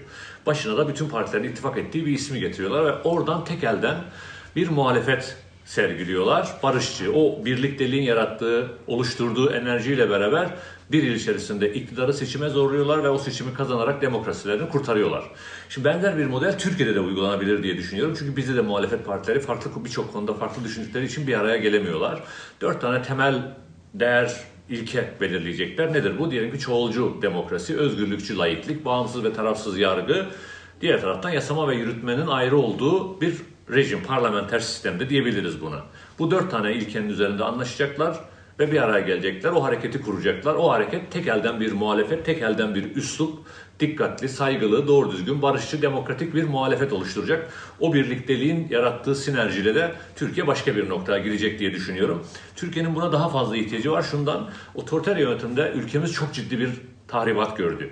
Bu tahribatın altından kalkmak için toplumun bütün kesimlerinin elini taşın altına koyabildiği bir zemine, bir yapıya ihtiyaç var. Bu hareket onu sağlayacak aynı zamanda. Çünkü bütün partilerden gelen insanlar o harekette birleştiği ve o hareket seçime girdiği için bir anlamda e, toplumun bütün kesimleri o işin içinde olmuş olacak ve biz de buradan çıkabileceğiz diye umut ediyorum. Umut ederim muhalefet bu Finlandiya modeli üzerine kafa yorabilir. Umut ediyorum ki e, bunu uygulayabilecek cesareti, kararlılığı gösterebilirler. Zaman zaman röportajlar yapıyor. Acaba muhalefet parti liderleriyle bu konuyu görüştü mü? Ben de bunu çok merak ediyorum. Bugün yayından sonra Levent Gültekin'e bunu soracağım. Sizlerden gelen mesajlar benim için çok önemli biliyorsunuz. Sizler bizim pusulamızsınız. Yalnızca gücümüz, arkadaşımız, yarenlik yaptığımız değil. Sizler aynı zamanda bizim yolumuzu aydınlatan, ne yapmamız gerektiğini bizlere söyleyen birer işaret fişeği gibisiniz. Hani böyle gökyüzüne atılır, aydınlanır etraf, ileriye bakarsınız ve görürsünüz o hesap. İşte Filiz Kaya, TC Filiz Kaya, İsmail Bey, günaydın. Esenler'den selam. Ben 3 aydır evden çıkmadım. Gelin bir de buraları görün bakalım. Ben evden çıkmadım ama buraları, sokaklar tam bayram havası. Sokaklar, pazarlar, AVM'ler, AVM'ler. İşte bakın Filiz Kaya da bize böyle bir gözlemini paylaşıyor. O evde kalıyor, duyarlı. Peki biz başkaları duyarlılık arıyoruz. Ve önce Mardin gazetesi iletişim. Mardin'e yasak yok. 15 ilde uygulanacak sokağa çıkma kısıtlamasının detayları belli oldu. Mardin Valiliğinden yapılan açıklamada Sayın Cumhurbaşkanımızın açıkladığı tarihlerle ilgili olarak Mardin'e giriş çıkış yasağı olmadığını sevinçle karşılamış Mardin İletişim. İlk ses İzmir'deyim. Mardin'den Ege'ye geldik. Bulaş riski azalıyor, çevre sorunu artıyor. Çevre Mühendisleri Odası İzmir Şube Başkanı Kınay, salgın sürecinde bulaş riskini azaltan tek kullanımlık plastik ürünlerin çevresel sorunlara yol açtığını belirtti. Biliyorsunuz bu konuda Murat Vargın'ın da çöpene sahip çık kampı var. Böyle bir kampanyası var. Hem vakfı var hem vakfın yürüttüğü kampanya var. Hem bunu hem de Rahmi Koç'un öncülük ettiği Deniz Temiz Derneği var. Bu konuyu da ben inceleme kapsamına aldım. Çünkü Deniz Temiz Derneği de denizlerimiz mavi ve temiz kalsın diye çalışıyor ve 25. yılını kutluyor. Sizlere o konuda özel bir çalışma hazırlıyorum. Bir sürpriz yapacağım efendim. İzmir'den geçelim Gaziantep'e. Gaziantep Gerçek Haber bütçenin dörtte biri kiraya. TÜİK Gaziantep Bölge Müdürlüğü tarafından yapılan açıklamada hane halklarının harcamalarının dörtte birinin kira ve konut harcamasının oluşturduğu belirtildi diyor Gaziantep gazetesi. Hedef nedir? Hedef bakın çok önemli bir manşet bence. Koronavirüsten etkilenmemek için köylerine dönüp üretime başlayan vatandaşların tarıma yönelmesiyle birlikte traktör satışları ikiye katlandı. Geçen yılın aynı dönemine göre satılan traktör sayısı bu yılın ilk çeyreğinde ikiye katlanarak 10.161'e ulaştı. Korona traktör satışlarını artırdı diyor Aydın gazetesi. Adana'ya geçeceğim ama bir bilgi vermek isterim. Hani Ankara Belediye Başkanı veresiye defterlerini kapattırıyor ya. İstanbul Belediye Başkanı, sonra İzmir Belediye Başkanı da katıldı ya fatura, askıda fatura. Aydın Belediye Başkanı da hayırsever yurttaşlarımızın, ihtiyaç sahiplerinin faturalarını ödeyebilmeleri için aracılık ettiği askıda fatura uygulamasına başlıyormuş. Bunu da buradan aktarmış olalım. Adana'ya geçiyorum. Tür manşetli bir haber dikkatimi çekiyor. 15 Mayıs'a hazırız. Hani aslında spor dünyasını, futbol dünyasını yakından tanıdığı bir isim. 240 bin kişilik atçılık ve yarışçılık ailesinin gözü Cumhurbaşkanı Erdoğan'da. Türkiye Jockey Kulübü yönetimi ise sorumluluğu üzerine alıp net açıklamalar yaptı diyor ve yarış camiasının sesi olmuşlar. Ergün Kara böyle bir haber yapmış ve Adalı ailesiyle de konuşmuşlar ve onların da gereken önlemleri aldıklarına dair haberler yine birinci sayfada yer almış. Alanya'ya geçeceğim ama bir saniye. Pardon, pardon Hilal. Bugün gerek Karadeniz'deki çay üreticileri, gerekse de Akdeniz'deki limon üreticileri ile ilgili haberler hazırladık. Önce Akdeniz'e geçiyoruz. Biz çiftçiyiz, üreticiyiz. Stokçu değiliz. Stokçu değiliz biz. Stokçu değiliz. Üretici. Bunlar milli sınırlar üreticilerinde. Emek emek ürettikleri limonu satamayınca eylem yaptılar. Limon ihracatına kısıtlama getirildi. Üreticinin elinde kalan limonun fiyatı düştü. Limonlarımız çürüyor diyen üreticiler yol kesip seslerini duyurmaya çalıştı. Biz stokçu değiliz. Biz üreticiyiz. Biz emekçiyiz. Bizim önümüzü açın yeter. Sizden destek de istemiyoruz. Mevcut olan limonumuzu devlete bağışlamaya hazırız. Bu konuda kesin kararlıyız. Bu ürünün zaten maliyeti minimum 5 lira civarında. Ve e, ihracat durunca fiyatlar birdenbire e, geriledi. Mersin'in Erdemli ilçesinde limon üreten çiftçinin eylemi vardı. Türkiye'nin limon ihracatının büyük bölümünü karşılayan üreticilerin isyanı ihracat kısıtlamasınaydı. Koronavirüs salgınıyla şifa deposu limona iç talep artınca Tarım ve Orman Bakanlığı bir planlama yaptı. Bu planlamaya göre üreticinin elindeki limon iç tüketime ancak yeter diyen bakanlık ihracata yasak getirdi.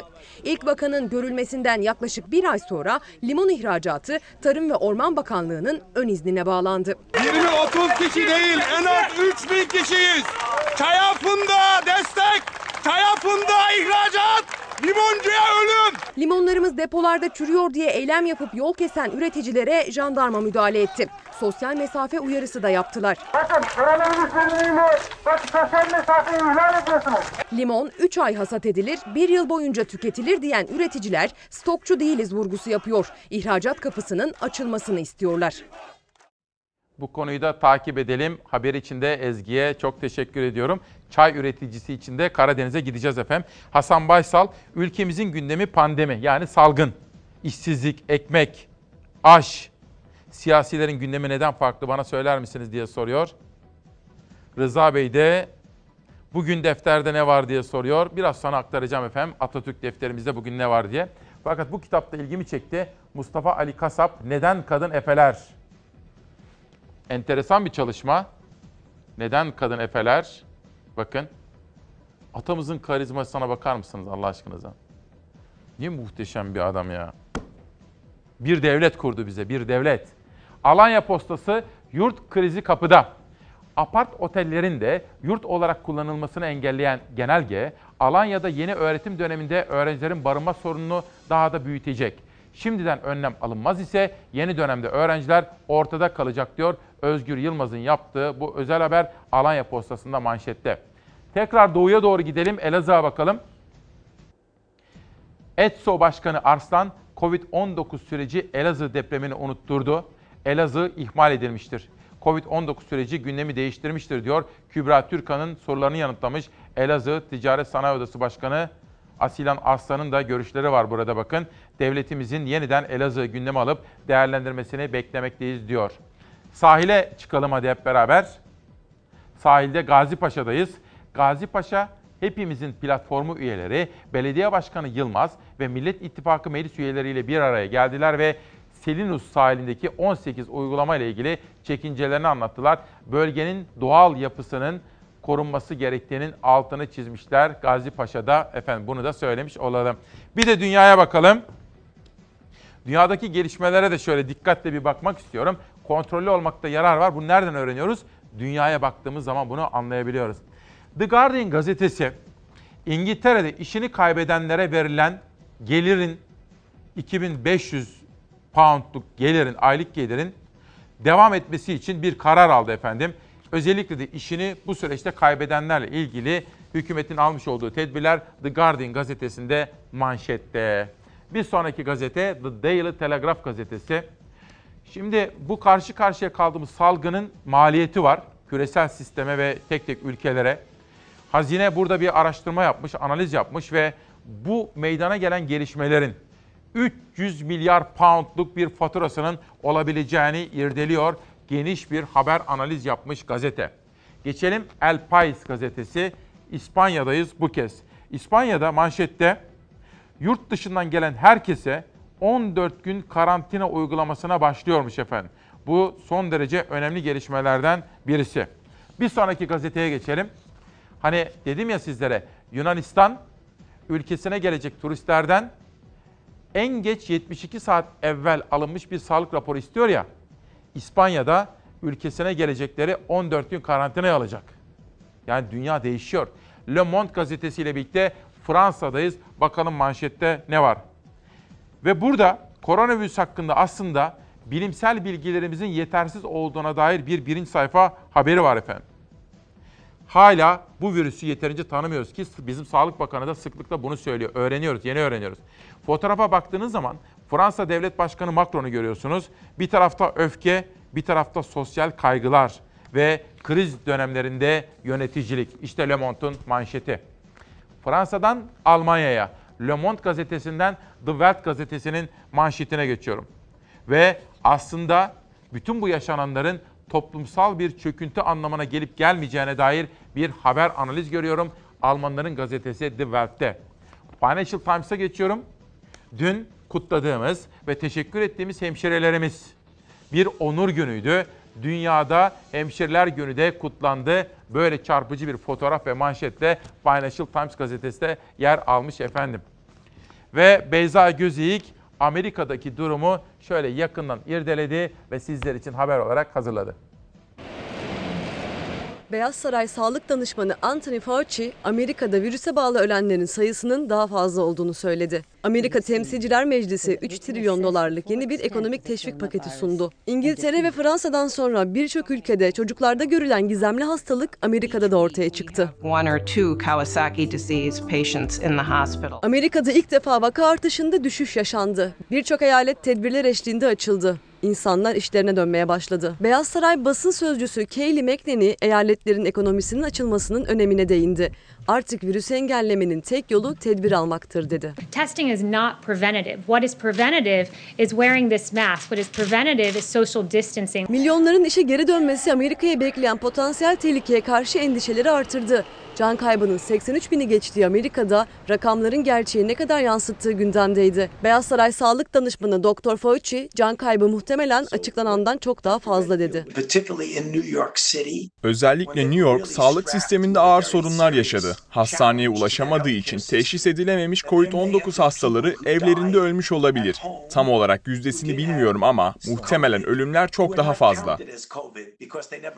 Amerika Senatosu azınlık lideri Demokrat Chuck Schumer Trump'ı eleştirdi. Egosunu değil, bilimi takip etmeli dedi. Doktor Anthony Fauci'ye kulak vermesi gerektiğini vurguladı. Follow science, not your ego. Amerika rekor teşvik paketlerine şahit olmaya devam ediyor. Son teklif Temsilciler Meclisi'nden geldi. Temsilciler Meclisi Başkanı Demokrat Nancy Pelosi 3 trilyon dolarlık teşvik paketi sundu. Paketin 1-2 gün içinde genel kurulda oylanması bekleniyor. We must put more money in the pockets of the American people. This is not only necessary for their survival, but it is also a stimulus to the economy. İngiltere ve Fransa'dan sonra birçok ülkede çocuklarda görülen gizemli hastalık Amerika'da da ortaya çıktı.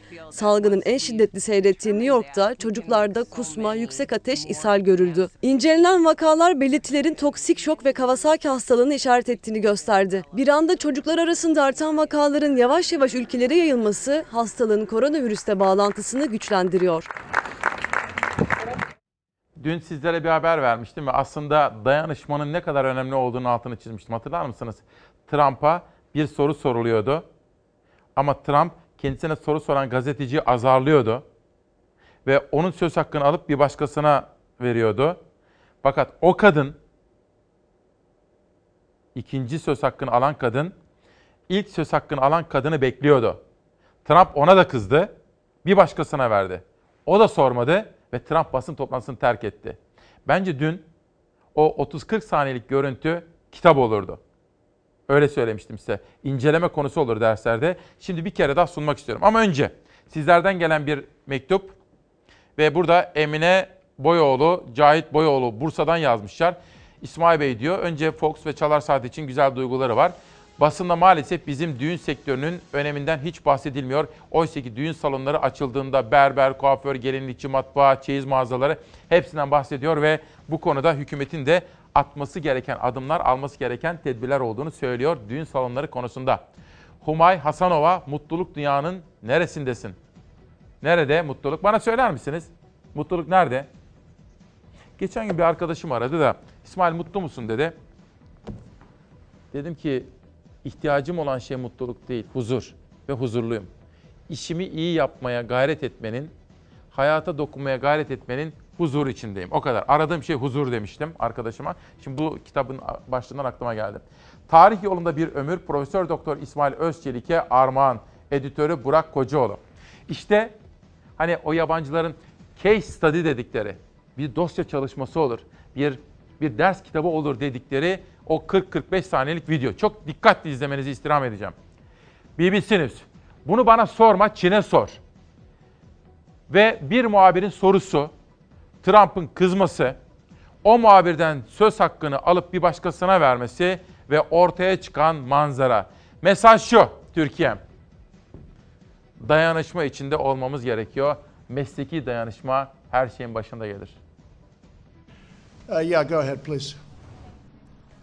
Said many times that the U.S. is doing far better than any other country when it comes to testing. Yes. Why does that matter? Why is this a global competition to you if every day Americans are still losing their lives and we're still seeing more cases every day? Well, they're losing their lives everywhere in the world. And maybe that's a question you should ask China. Don't ask me, ask China that question, okay? When you ask them that question, you may get a very unusual answer. Yes, behind you, please. What, sir, why are you saying that to me specifically? I'm telling you. I'm not saying it specifically to anybody. I'm saying it to anybody that would ask a nasty question That's like not a nasty question. Please go ahead. Why does it matter? Okay, uh, anybody else? Please, go ahead in the back, please. I have two questions. No, it's okay. But We'll you go over pointed here. to me. I have two questions, Mr. Next, President. next, please. But you did you called on me. I did, and you didn't respond, and now I'm calling on Sorry, I just the wanted young to, lady in the back, please. I just wanted to let my colleague finish. Okay. But can I ask you a Ladies and question, gentlemen, please? thank you very much. Appreciate it. Thank you very much. İnanılmaz bir görüntü. Ben olsam iletişim fakültelerinde ders olarak okudurum. Az evvel bir arkadaşım Akif miydi bilmiyorum ama dedi ki bugün ne var defterde bakın. Çocuklarımızı artık düşüncelerini hiç çekinmeden açıkça ifade etmeye, içten inandıklarını savunmaya, buna karşılık da başkalarının samimi düşüncelerine saygı beslemeye alıştırmalıyız. Kemal Atatürk. Özgürce konuşsunlar, düşüncelerini ifade etsinler ama başkalarının da bu hakkına saygı göstersinler diyor ülkemizin kurucu önderi. Efendim bir video sabah Canan Güllü hocamız dikkatimizi çekti. Utandım. Sizin ne hissedeceğinizi çok merak ediyorum.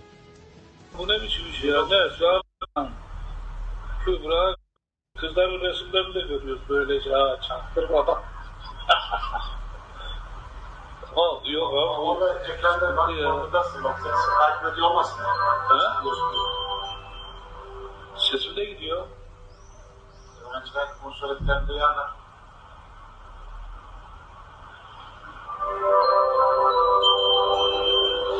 Yorulduk ha.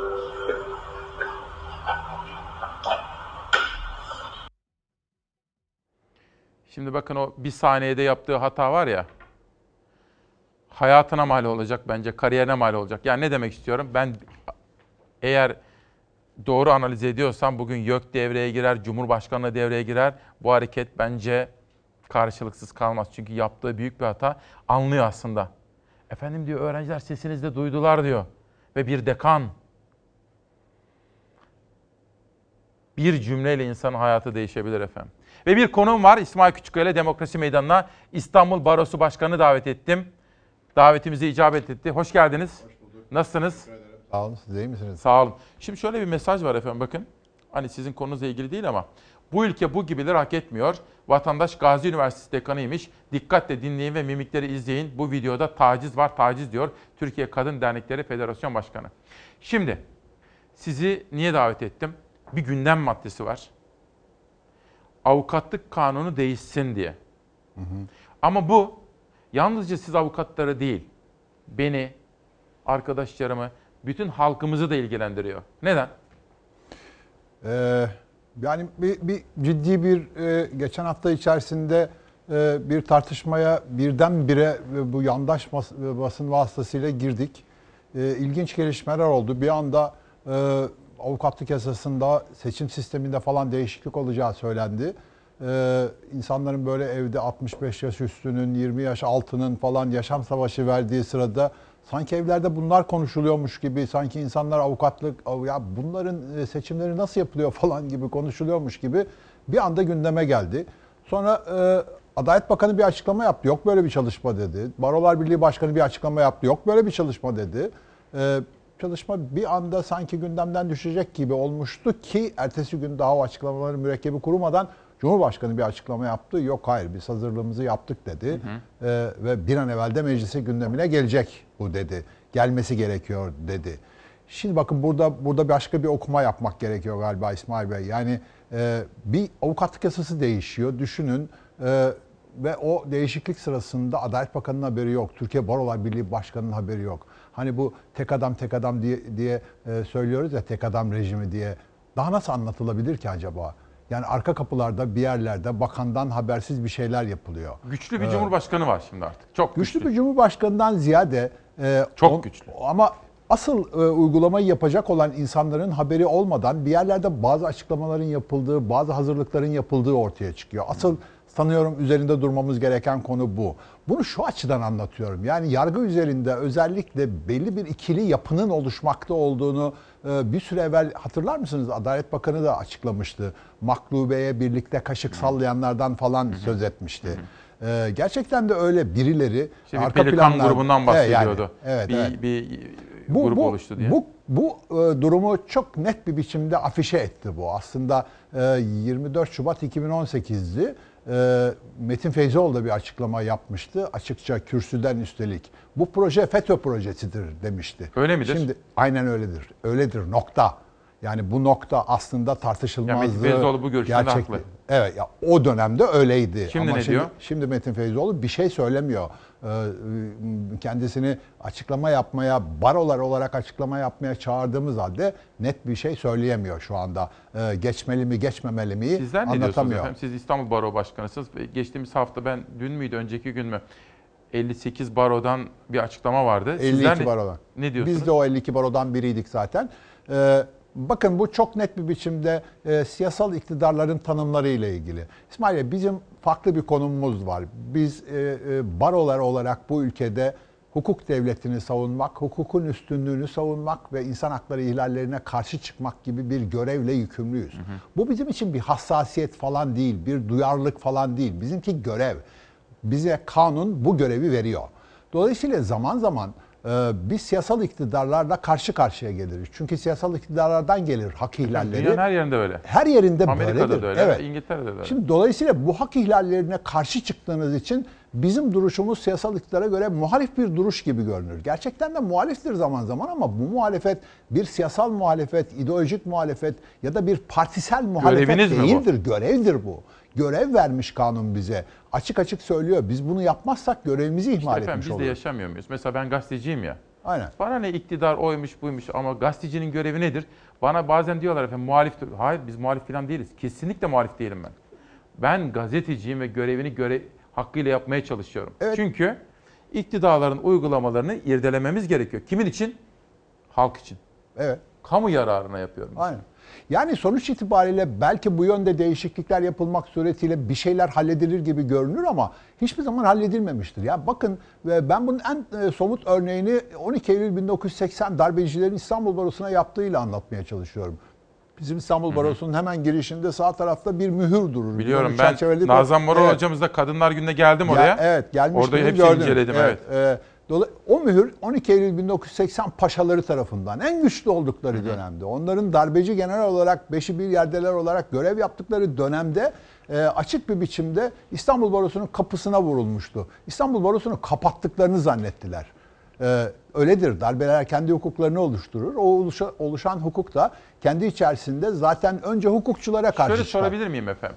İktidar bu düzenlemeyi neden getiriyor ve neyi amaçlıyor? Ne yapacak yani? İşte bu insan hakları ihlalleri konusunda baroların sürekli çıkan sesini susturmak Nasıl istiyorlar, susturacak? sindirmek Hayır, istiyorlar. bu kanunda ne yapacak da sizi susturacak? Hayır, bu kanun 5. kez yürürlüğe, ge- 5. kez gündeme geliyor. 4 kez e, başarılamadı. Demin anlatmaya çalıştım. 2009'da e, doğrudan doğruya e, FETÖ tarafından getirilmiş bir projeydi. Abdullah Gül'ün Cumhurbaşkanlığı döneminde Devlet Denetleme Kurulu kararlarına bile girmişti. O dönemde de aynı şeyi yaşadık. Yargının 3 ayağından ikisi 2010 referandumuyla zaten FETÖ'ye teslim edilmiş olduğu için 3. ayağının özellikle de avukatların ele geçirilmesi planı yapılıyordu. Ve avukatlar da ele geçirilebilirse zaten döngü tamamlanmış olacaktı. Bu bir baskı. Ha, şunu Bu- anlamak istiyorum. İktidar bu seçim sistemini değiştirerek kendisine yakın isimlerin baro başkanları olmasına mı çalışıyor? Baro başkanları özellikle de Türkiye Barolar Birliği seçim sistemini değiştirdiği için hedef orası gibi gözüküyor şu anda. Barolar Birliği Biz, seçim bizim sistemi. elim evet. Yani Ama Metin delege- Feyzoğlu'nun da buna ses çıkarması gerekir o zaman. Neden? E çünkü Metin baroların- Feyzoğlu eski Metin Feyzoğlu değil. Metin Feyzoğlu'nda çok ciddi bir eksen kayması var artık. Metin Feyzoğlu bizim oy verip seçtiğimiz Metin Feyzoğlu da değil ki şu anda. Geldiği konum son derece farklı. bu destekliyor mu projeyi? Desteklediğini de söylemiyor, desteklemediğini de Net bir söylemiyor. açıklama yapması gerekiyor. Evet, Peki, net bir anladım. açıklama yapması gerekiyor ve e, avukatların, baroların bu denli bir büyük bir tehdit altında bulunduğu bir sırada Türkiye Barolar Birliği Başkanı susuyor. Zaten sıkıntılarımızın temelinde Siz, yatan nedenlerden siz ne birisi de o. öneriyorsunuz? Mesela bu sistem iyi mi? Yani böyle mi devam etsin yoksa bir değişiklik olsun mu olmasın mı? Siz Böyle bir öner- değişiklik olmasını gerektiren hiçbir şey yok. Yani İran'a kravat e, fabrikasına kadar gerekliyse böyle bir değişiklik de o kadar gerekli. Bu kadar açık. Böyle bir gereklilik yok. Siz böyle bir gerekliliğin farkında mısınız? Siz, ya da işte şimdi e, evlerinde koronavirüs nedeniyle kendilerini hapsetmiş olan insanların böyle bir dertleri mi var? E, yurttaşlardan böyle bir talep mi geliyor? Avukatların böyle bir talebi mi var? Yok böyle bir şey. sindirme talebi bu, susturma Bir talebi. manşet vardı Hilal rica edeyim. Bu bugün gazetelerden birinde bir manşet görmüştüm. Sayın Başkan'a sormak istedim. Efendim dün Adalet Bakanı da konuştu aslında farklı konularda. hı. Şunu da sormak istiyorum bakın. Bugün yeni birlikte gördüm. Tedbirlerde yumuşama bayram sonrası. Bunu da kısacık bir değerlendirmenizi isteyeceğim sizden. Fakat önce şu barolar seçim sistemiyle ilgili son olarak vermek Hı hı. istediğiniz bir mesaj varsa Ben özellikle e, burada e, baroların içinde bulunduğu konumun yurttaşlar tarafından doğru anlaşılması gerektiğini düşünüyorum. Yani bunu bunu anlatmamız gerekiyor. Sanılıyor ki barolar sadece avukatlardan oluşan, avukatlar giydiği cübbeleriyle müdafilik yapar konumda bulunan insanlar durumunda. Onun ötesinde bir şey var. Mesela barolar olmazsa, barolar parçalanırsa, barolar işlevsiz hale getirilirse, barolar hak ettikleri etkinlik noktasının ötesine taşınırsa eğer ee, mesela bu ülkede kadına karşı şiddete e, müdahale edecek kimseyi bulmakta güçlük çekersiniz. İstanbul e, Sözleşmesi de bir tarafa gider. 6284 uygulamaları da başka türlü olur. Ee, istismara uğrayan çocuklar için de aynı şey söz konusudur. Baroları etkin olmaktan çıkarırsanız eğer istismara uğrayan çocukları e, savunabilecek, onların yanına geçebilecek kimse bu kalmaz. düzenleme, iktidarın yapmaya çalıştığı düzenleme, barolar Baroları etkinliğini... etkisiz kılmaktır. Heh, amaç bu mu diyorsun? Baroları susturmaktır. Baroları sindirmektir. Bu dört kez böyle geldi. Beşinci kez de böyle geliyor. Peki. Düşünün nereden gündeme geldi bu? Ee, Ankara Barosu'yla e, Diyanet İşleri Başkanlığı'nın tartışması nedeniyle gündeme geldi. Diyelim ki bunların hepsi haklı. Bir siyasal iktidarın karşısında siz haksız olsanız, siz başka görüşü savunuyor olsanız dahi size ben sizi seçim sisteminizi değiştirmek istiyorum demek gibi bir hakkı olabilir mi? Siyasal iktidarın. Demokrasilerde böyle bir hak var mı? Hukuk Sizin- devleti böyle bir şey sizin- söyleyebiliyor mu? Bülent Turan AK Parti'nin etkili Evet. ismi, meclisteki etkili isminin yaptığı bir paylaşım. Bir de Mehmet Uçum, Sayın Cumhurbaşkanı yakın bir isim. Evet. Onlara bir Twitter'dan yanıt veriyorsunuz. Onu soracağım, bu konuya döneceğim ama Hı kısacık şunu bir değerlendirir misiniz efendim? Şimdi bu koronavirüs zamanında cezaevleri, orada işler nasıl işliyor şimdi? Cezaevlerine gidiş, geliş, açık görüş Ee, olmuyor. tamamen kısıtlı bir biçimde işliyor. Ee, yani avukat görüşlerinde de kısıtlılık var. Aile görüşleri tamamen ortadan kaldırılmış vaziyette. Bunu bir ölçüde başlangıçta özellikle de cezaevlerin konumu itibariyle koğuş sistemlerinin olduğu yerde biz de bir ölçüde anlayışla karşıladık. Avukatlar olarak da anlayışla karşıladık. Ama bu görüşlerin yapılamamış olmasının ifade ettiği anlam özellikle ceza yargılamaları itibariyle çok önemli sonuçlar doğuruyor. Bu önemli sonuçların da birlikte değerlendirilmesi gerekiyor. Cezaevlerinde giderek o korumanın sağlanamaması nedeniyle öyle sanıyorum ki e, çok ciddiye alınması gereken vakalarla karşı karşıyayız. E, bunları çok çeşitli şekillerde duyuyoruz. Cezaevleri izleme komitelerimiz vasıtasıyla da e, tek tek cezaevlerindeki olayları inceliyoruz. Ama geldiğimiz nokta itibariyle cezaevlerindeki konum hiç de e, iç açıcı değil gibi gözüküyor. Tedbirleri aldık diyor bakan ama. Bütün tedbirleri aldık diyor. Ceza infaz sistemi genel müdürlük Gerçekten diyor. tedbirler alındı. Yani özellikle de infaz memurlarının evlerine gönderileme gönderilmemesi söz Dışarıda konusu oldu. Özellikle evet onlar, otellerde. onları bile e, e, kampüs içerisinde tutmaya çalıştılar. Hiç değilse bulaşı olmasın diye ama buna rağmen bulaşının gerçekleştiğini biliyoruz. E, pek çok yerden pek çok haber geliyor. E, dolayısıyla e, alınan tedbirlerin yeterli olmadığından kaynaklanan bir sonuç mudur bu? Bakanlık böyle diyor, siz böyle diyorsunuz. Evet. Peki tweetler gelsin sosyal medyada. İstanbul Baro Başkanı konuğumuz efendim gündemdeki bir tartışmayı irdeliyoruz. Bunu verdim sabah. HSK Başkan Vekili Danıştay'ı kutluyordu. Efendim 152 yıl aslında biz köklü hukuk kurumlarına... Şurayı devlet. Değil mi? Yani Osmanlı'da. Muhteşem. Evet, geçelim. Cumhuriyet, Cumhuriyet'ten önce. Şimdi bakın Mehmet Uçum, barolarda uygulanan seçim modelleri çoğulcu değil. Basit çoğunluğa dayanıyor diyor. Çokça azınlıkçı bir yönetim çıkıyor deyince avukat Mehmet Durakoğlu diyor ki, Üstad ülkeyi yönetirken seçim sistem değişikliği yapıp koalisyonun zararlarını anlatırken barolar koalisyona teşvik etmek çelişki değil midir? Yorumlar mısınız efendim bunu? Ee, evet yani çoğulcu e, olmadığımızı, çoğunlukçu olduğumuzu anlatmaya çalışıyor. Bu işte getirmeye çalıştıkları nispi temsil sistemi e, ortada bir tasarı olmadığı için biz biz de aslında çok açıkça konuşamıyoruz ama konuşulanları söylüyorum. Bir nispi temsil sistemi öngörüyorlar. Ee, yani siz seçimi kazanıyorsunuz tamam ama kazandığınız oran yeterli bir oran değil. Dolayısıyla kaybetmiş olanlar kendilerini yönetimin içerisinde bulamıyorlar. Oysa onlar da temsil edilmeli. Dolayısıyla e, herkesten olsun, herkesten e, oluşan bir yönetimle birlikte yapın bu işi demeye çalışıyor. Ya bir koalisyonlar Hani- mı istiyorlar? Evet koalisyon Aslında istiyorlar. bir şey diyebilir hani, miyim hani size kötüydü Başkan? koalisyon. Hani o yüzden rejim Ama bir şey diyeceğim. Rejim değişirken bakın biz burada soru sorduk hep. Ha. İsmail Küçüköy'le Demokrasi Meydanı'nda. AK Evet. Partililer de geldiler biliyorsunuz. Evet, Hepsi evet, geldi. evet. Onlara da şunu sorduk. Dedi ki efendim bakın sizin bize önerdiğiniz bu yazılı metin Hı hı.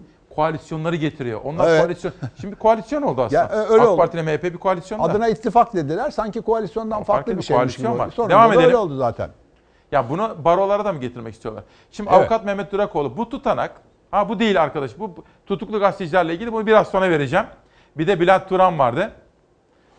Peki, çoklu baro sistemi nedir ya? Dünyada görülmemiş baro barodur. Benzeri bir paylaşımı Mehmet Uçum'la birlikte Bülent Turan da söylüyor. Evet. Siz ona da karşılık veriyorsunuz. Evet son olarak çoklu baro diyorlar bu. Evet yani projelerden birisinin de bu olduğu söyleniyor. Ee, demin dedim ya hani kendini temsil edemeyen e, meslektaşlar varmış. Onlar istedikleri baroları kursunlar canım. Yani bir tane baro niye oluyor ki denildi. Cumhurbaşkanı da e, bir gün bir verdiği demeçte barolar asıl güçlerini zorunlu üyelikten alıyor dedi. Bu zorunlu üyeliği de kaldırmak gerekiyor dedi. Ama tartışıldığında dünyada başka bir örneğinin falan filan da olmadığı anlaşıldı. Galiba gündemden düştü gibi gözüküyor. Ama geldiğimiz noktada e, isteyen istediği barosunu kursun. Ee, Ben biliyorum İstanbul'da böyle bir yol açıldığında rahatlıkla 25 baro kurulur. Bunu bir ihtiyatla söylüyorum. 50 baro da olabilir.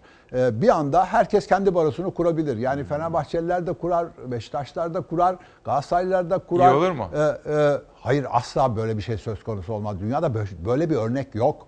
Ee, Çift başlılık, üç başlılık, beş başlılıktan Peki. falan söz edilir hale gelir. Bu olabilecek bir şey değil. Ama Dünyada elimizde böyle. daha yazılı bir metin yok değil mi? Şu anda yok. Barolar Birliği'nde de yok. Evet. Adalet Bakanı'nda da yok. Adalet Bakanı'nda olmadığını biliyoruz. O garip. Yani Ama çünkü e, dedi ki elimizde güncel bir çalışma yok dedi. Eski çalışma dedi. Evet o. ama daha onun mürekkebi kurumadan ertesi gün Cumhurbaşkanı böyle bir çalışmanın varlığından söz etti. İşte Belki onu söylemeye çalışıyorum. Siyaseten belki mesaj veriyordur. Yok sanmıyorum işte arka bahçede bir şeyler hazırlanıyor. Bakalım. Yani bu çok açık bir biçimde Cumhurbaşkanlığı Hukuk Politikaları Kurulu ile Adalet Bakanlığı arasındaki kopukluğu anlatan ama o kopukluğu basit bir biçimde bir iletişim eksikliği falan diye yorumlamayın. Siz aslında dile getirdiniz. Ben söylemedim. Pelikan gruplarından falan söz ediyorsunuz. Bunların ifade ettiği anlamı yargı içerisindeki ikiliği afişe Bir etmiş şey bir, sonuçtur bu. Niye öyle vurguladınız? Hani benim söylediğimi sizin Ben- söylediğinizi. Ha, ha, ben- Çekiniyor musunuz? Hayır hayır çekindiğimden değil. Ben yargı içerisinde bu tür ikiliklerin e, yargının saygınlığına özgü olarak konuşulmaması gerektiğini düşünüyorum. Ne kadar bilirsem bileyim, ne kadar anlatırsam Biliyor anlatayım. musunuz böyle bir yapıyı? Biliyorum tabii. Ya pelikan yapısını biliyor musunuz? Biliyorum tabii. Yani bu çok net bir biçimde ortaya çıktı artık. Yani eskisi kadar duyarlılık göstermemi gereksindirmeyecek bir biçimde ortaya çıktı. Üstelik bunu ben değil, doğrudan doğruya Adalet Bakanı'nın kendi Adalet söyledi. Bakanı neler söyledi? Adalet FET- Bakanı FETÖ'yle ilgili göndermeleri çıktı, var. Maklube'ye birlikte kaşık sallayanlar peki. yargıyı dizayn etmeye çalışıyorlar Anladım. dedi. Peki. Ben artık niye susacağım ki? Ben artık Peki. niye duyarlılık göstereceğim Bir ki? sonraki tweet gelsin. Tutuklu gazeteciler meselesi az evvel vermiştim. Verelim. Evet. Şimdi efendim bir de tutuklu gazeteciler var. Burada çok detaylı ama işte Hülya Kılınç, Barış Terkoğlu, Murat Ağırel, Barış Pehlivan, Aydın Keser, Mehmet Ferhat Çelik. Bugün Sayın İstanbul Baro Başkanı Murat Ağırel Emin Çöleşan'a bir mektup yazmış. Ve Emin Çöleşan da o mektubu köşesinde taşımış. Bugün Cumhuriyet Gazetesi'nde gazeteciler barış ve yargı ne dedi? Buna ilişkin bir haber analiz. Avukat Hüseyin Ersöz'le konuşmuş. Şimdi son olarak size, efendim ben ülkemi çok seviyorum. Değil mi? Çok, hepimiz çok seviyoruz Evet. ülkemizi. Ve bir gazeteci olarak gazetecilerin özgürce görüşlerini ifade edebildikleri, işlerini yapabildikleri bir ülke hayal ediyorum ben. Ve tutuklu gazeteciler olunca gerçekten üzülüyorum. Bu konudaki yorumunuz nedir? Ee, yani size aynen katılıyorum. Ee, sizin siz kendi mesleğinizi yapıyorsunuz bu ara iş içerisindeyim. içerisindesiniz. Ben de yurttaş olarak e, haber alma özgürlüğümün mutlaka olması gerektiğini düşünüyorum. Benim başka kaynağım yok. Bu ülkede nelerin olup bittiğini, dünyada nelerin olup bittiğini bilmek istiyorum. Bilmek istediğim için de e, gazetecilere ihtiyacım var. E, o bilgilere ihtiyacım var. Onun üzerine bir şeyler kurmak zorundayım. Dolayısıyla gazetecilerin tutuklanması dediğiniz kavramı anlamakta gerçekten güçlük çekiyorum. Hele haber verdikleri için tutuklamayı, hele bu olayda olduğu için, dosyayı bildiğim için söylüyorum. Dosyanın içeriği itibariyle tutuklu olmalarını anlamakta güçlük çekiyorum. Hele bir infaz yasasında, insanları dışarı çıkarmak için yaptığınız yasada bir de onlara e, MİT kanununda getirdiğiniz düzenlemelerle konumlarını ağırlaştıracak hükümleri o yasanın içerisine sokmayı anlamakta güçlük çekiyorum. Ama bu olay çok ilginçti. Bu olay bir yargıcın açık bir biçimde kanunu ihlal ettiği bir olay. Hangi olay? Onun için bundan bahsediyorum işte. Bu tutanak yargının içinde bulunduğu durumu anlatmak bakımından çok önemlidir. Avukatı varken Evet. kendilerinin avukatları varken Evet, Ceza Mahkemesi Kanunu 150. maddesi diyor ki özel avukatınız varsa barodan avukat isteyemezsiniz diyor. Özel avukatı olduğunu bakın orada yazıyor. var tutanakta var okudum. Açıkça tutanakta yazıyor. Görmüyor değil. Dosyayı bilmiyor değil. Okumamış falan değil. Görüyorum. Ben burada özel avukat var diyor. Özel avukat dediğiniz 8 kişi, 8 ayrı özel avukatı var onun ve 8 ayrı özel avukatı Siz böyle bir olay görmediniz değil mi hiç hayatınızda? Gördüm. Daha evvel de Böyleleri gördüm. var mı? Var. Maalesef var. Yani bu tutuklu incelemelerinin ciddi bir biçimde yapılmadığı kanısındayım. O nedenle de e, Sayın Mehmet Yılmaz'ı etiketledim ki yani Hakimler Savcılar Yüksek Kurulu bu tutuklu Görsün incelemelerine doğru doğru baksınlar Peki, diye. Teşekkür ediyorum. Ben Efendim şu teşekkür bilgiyi ederim. de söyle- söyleyelim. Hukukun üstünlüğüne her zaman inanıyoruz. Hakim teminatına her zaman inanıyoruz. Gazeteciler de suç tutuklanabilir ama tutukluluk evrensel hukuk kurallarına göre istisnai bir tedbirdir. En son başvurulacak tedbirdir diyoruz. Reklamlar sonra devam edeceğiz. Günaydın efendim. Bir kere daha hoş geldiniz. Bir kere daha günaydın diyorum. 13 Mayıs 2020 günlerden çarşamba İsmail Küçükkaya ile Demokrasi Meydanı'ndasınız. Şu andan itibaren Savaş Yıldız geldi. Bir pencere açacak. İlerideki aydınlık mavi günlere hep beraber bakacağız ve ondan sonra ekonomi diyeceğim. İş kuyr- kuyruklarına gideceğiz. Esnafa ilişkin, tarım ve üretici kesime ilişkin haberler sizlere aktaracağım. Bir de az evvel bir dekandan bahsetmiştim. Ne kadar kızgın, ne kadar öfkeli olduğunuzu görüyorum, biliyorum. Gelen mesajlar var. O konuda da bir haber hazırlanıyor. Haberi de sizlere aktaracağım. Ama bugün kontrollü olmakta yarar var dedik. Ve çünkü bakın Sağlık Bakanı saat 11 ile 15 arası çocuklarımız ve gençlerimiz özledikleri parklara, sokaklara kavuşuyor. Yakın arkadaşlar mesafeli şekilde buluşuyor. Eve dönmesi biraz zor ama önümüzde çok daha güzel günler, upuzun beraberlikler var. Sağlığımız için birazcık daha fedakarlık yapacağız diyor.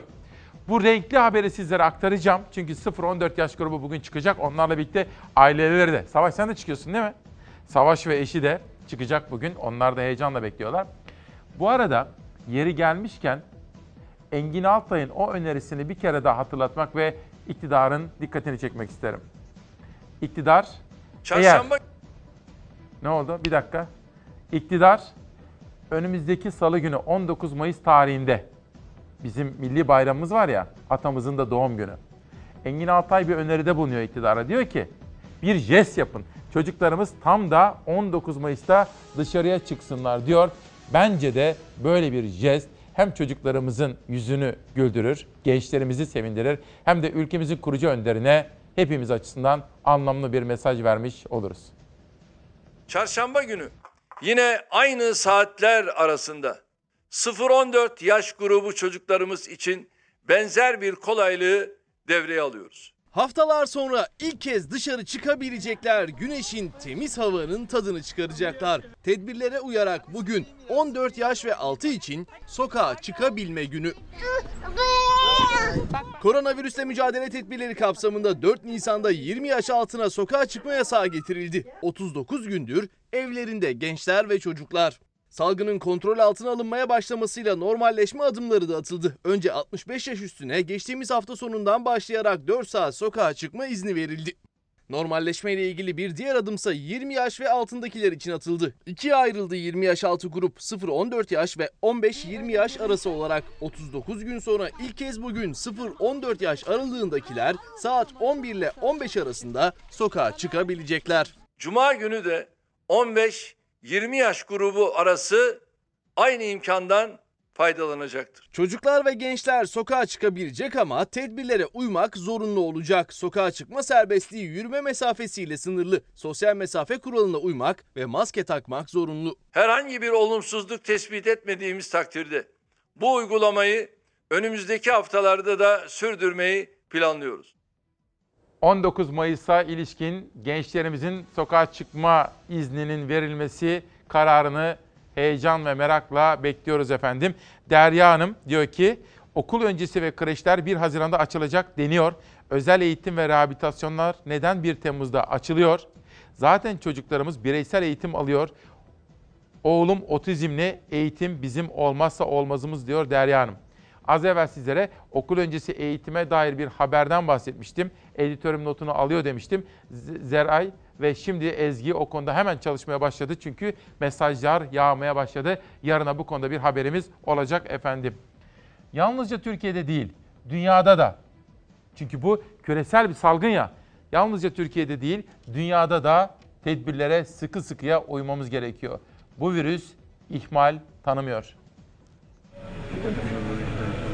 Karadağ'daki bir kilise binlerce ziyaretçi ağırladı. Salgının hızla yayıldığı Brezilya'da toplu taşımalardaki kalabalık korkuttu. Amerika ve İngiltere'de uçaklarda sosyal mesafe kuralları hiçe sayıldı. Henüz tedavisi bulunamayan koronavirüse karşı en geçerli tedbir sosyal mesafe kuralına uymak ve tabii ki maske kullanmak. Ancak dünyanın dört bir yanından gelen görüntüler virüsün önüne nasıl geçileceği konusunda duyulan endişeleri artırıyor. Burası Karadağ. Ortodoks inancına sahip binlerce insan her sene Ostrog Manastırı'na düzenlenen geleneksel yürüyüşe katıldı. Yürüyüş tedbirler çerçevesinde yapıldı. İnsanlara maske dağıtıldı. Ancak bir süre sonra sosyal mesafe kuralları sözde kaldı. Ziyaretçilerin çoğunun dağıtılan maskeleri bile kullanmadığı görüldü.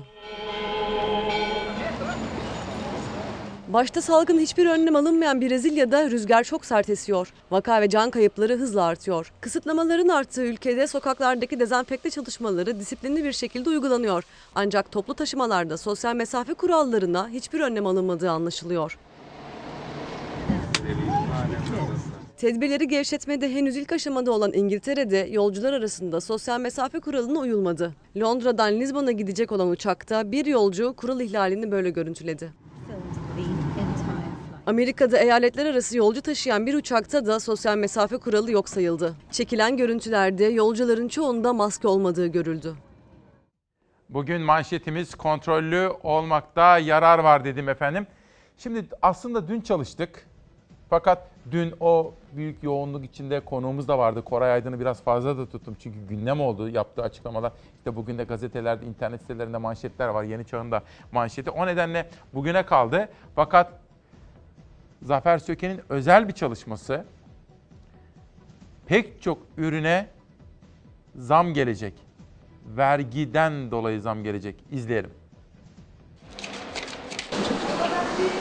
Derin dondurucudan buzdolabına, çamaşır makinesine, klimaya, split klimaya, ziynet eşyalarına ve birçok ürüne 11 Mayıs'ta resmi gazetede yayınlanan karara göre birçok üründe %30'a kadar ilave gümrük vergisi getirilmiştir. Yerli üreticiyi, sanayiciyi korumak, cari açığın artmasının önüne geçmek için çakmaktan buzdolabına, mücevherden golf arabasına birçok ithal ürüne ek gümrük vergisi getirildi. Vergi uzmanı Ozan Bingöl, yerli çiftçileri korumak için de benzer uygulamanın ithal tarım ürünlerinde olması gerektiğini söyledi. İthal edilen bazı tarım ürünlerinde gümrük vergisinin sıfırlanması yerli çiftçiyi bazen zor durumda bırakmaktadır. Yerli çiftçiyi korumak için de tarım politikalarında da aynı gümrük vergisi politikasının uygulanmasını bekliyoruz. 11 Mayıs itibariyle çok sayıda ithal ürüne %30'a varan ek gümrük vergisi getirildi. Ek vergi için zaman aralığı da belirlendi. 30 Eylül'e kadar %30 sonrasında ise %25 oranında olacağı açıklandı. Artan ithalat baskısına karşı yerli üreticiyi, yerli sanayiciyi korumak için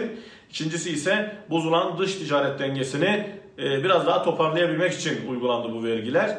Vergi uzmanı Ozan Bingöl ek gümrük vergisi uygulaması için yerinde bir uygulama dedi. Bir ama ekledi. Çiftçilerin durumunu hatırlattı. %30'a kadar ilave gümrük vergisi getirilmiştir. Yerli sanayiciyi korumak için bu yapılan işlem doğrudur. Umuyoruz ki bu yerli sanayiciyi korumak için uygulanan gümrük politikaları umarız yerli çiftçiyi de korumak için uygulanır.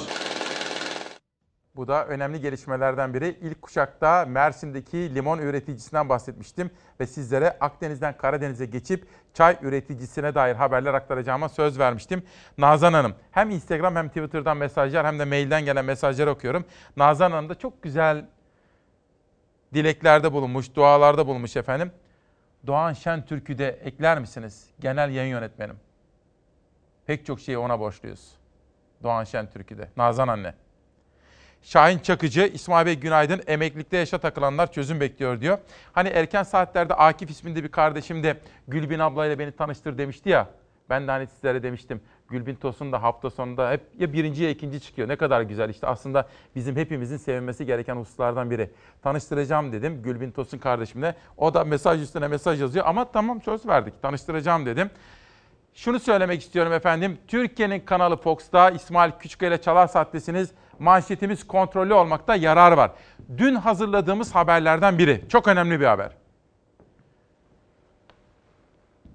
Dost ateşi diyorlar, dost ateşi. İran'da bir tatbikat, tatbikatta vurulan bir gemi ama vuran kim? İran'da deniz tatbikatı sırasında kaza meydana geldi.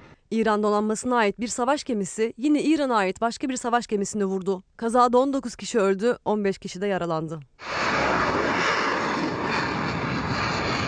Kaza gerçekleştiğinde İran medyası donanmanın tatbikat sırasında ülkeye ait bir savaş gemisini vurduğunu bildirdi. Onlarca ölü olduğu ifade edildi. Haberlerden kısa bir süre sonra İran ordusu bir can kaybı olduğunu açıkladı. Ancak can kaybı açıklanandan fazlaydı.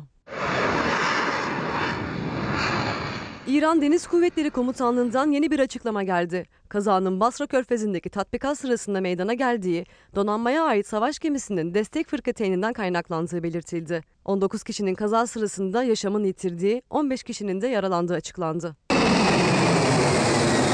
Hava ateş gerefti. Zayımızdan ateş Kaza açıklaması akıllara Ukrayna uçağını getirdi. Ocak ayında Tahran'dan Ukrayna'nın başkenti Kiev'e gitmek üzere kalkan yolcu uçağı düşmüştü. İran Genelkurmay Başkanlığı uçağın İran ordusu tarafından yanlışlıkla düşürüldüğünü açıklamıştı. Alpan Telek çok teşekkür ediyoruz. Mesajlar alınmıştır. Serhan Taşkın'ın mesajı alınmıştır. Nehir Hanım'ın mesajı alınmıştır. Nuri Bey de ne güzel diyor bütün çalışanların isimlerini söylüyorsun diyor. E tabi hep beraber emek harcıyoruz. Tekrar edeyim. Hani bütün ekip arkadaşlarımı söylüyorum sizlere ya. Zeray var. Şimdi sabah geliyorum ben. Bütün gece çalışıyoruz. Zeray karşısında Ezgi Gözeger, yanında Beyza Gözeyik, onun karşısında Zafer Söken. Savaş Yıldız ve Hilal dönüşümlü olarak. Şimdi rejideki isimlerini biraz sonra yan tarafta hepsini göreceksiniz. Kameralarda bak burada Erzincan'dan İsmail abimiz var Cimi'de. Burada da Yunus abimiz var, o da Toroslardan. Bu ekibin dışında tabii bizim bütün ekibi yan tarafta isimlerini göreceksin. Onların dışında bir de gündem çalışmasını yaptığım Nihal Kemaloğlu var. Korona günlerinde daha fazla söylemeye çalışıyorum. Çünkü aslında her birimizin üstlenmiş olduğu sorumluluk ve göstermiş olduğu fedakarlık çok fazla. Bunun da altı çizilsin istiyorum. Emeğe saygı diyorum efendim.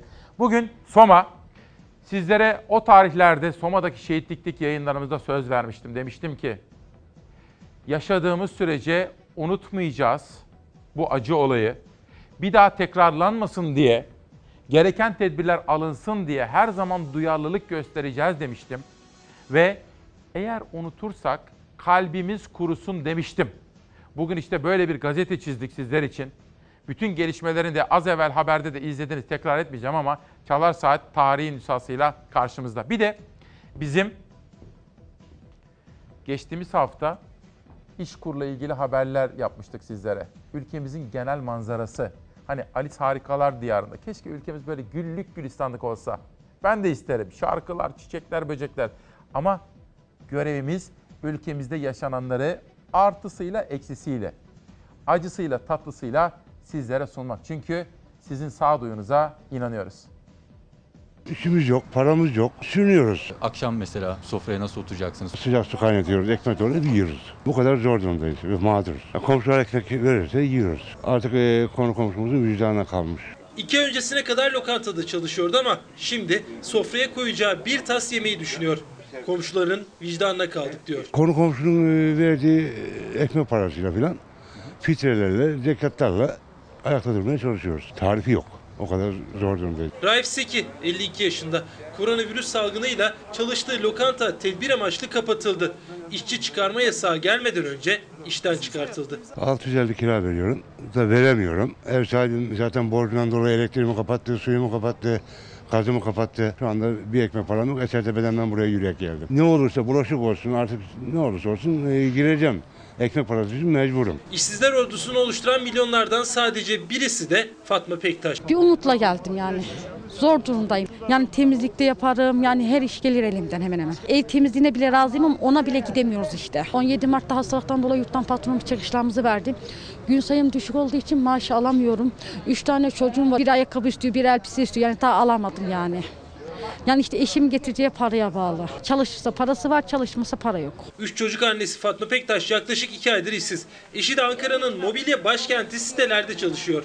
Koronavirüs nedeniyle o da evde. Kira ne kadar veriyorsun? 750. Geçen ay ödedim bu ay daha ödeyemedim. Bakalım veresiye borcum da sağ olsun bir vatandaş sevesi veresiyemizi kapattı. Ne kadar borcunuz var? Yani bakalım hemen hemen birden fazlaydı yani. Babasın, çocuğun istediğini alamıyorsun, gözüne bakamıyorsun, boynunu büküyorsun. O da anlıyor ama yapacak bir şey değil. Üzülme baba diyor, olur diyor, geçer diyor böyle yani. Temizlik benim şeyim ama bulamadık iş arıyoruz öyle. Ne olursa da yapacağım artık. ne yapalım? Zor durumdayız. Evet öyleyiz. Ne yapalım? Ev kira oturduğumuz yer. Zor kö- kötek geçiniyoruz zaten. Ara ara iş bulursam çalışıyorum. Eşim de işten çıkarttılar pandemiden dolayı. Hanımın aldığı kalan parayla sağlıyoruz. Ne kadar efendim? Ha işte bu. Kaç lira var? 15 lira. 15 lira. Onda şimdi dolmuş parası verip eve gideceğiz. Abim yardım ederse abim yardım ediyor. Yaşım 62.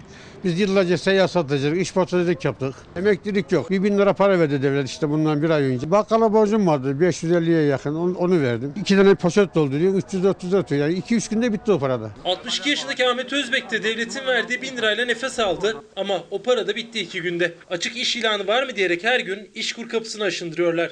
Her gün yeni bir umut onlar için. Hayatı günlük yaşıyoruz yani. Peki bugün ne götüreceksiniz eve? Biz burada belediye stand kurmuş Büyükşehir Belediyesi Ankara. Yemek alıyoruz öğlenleri.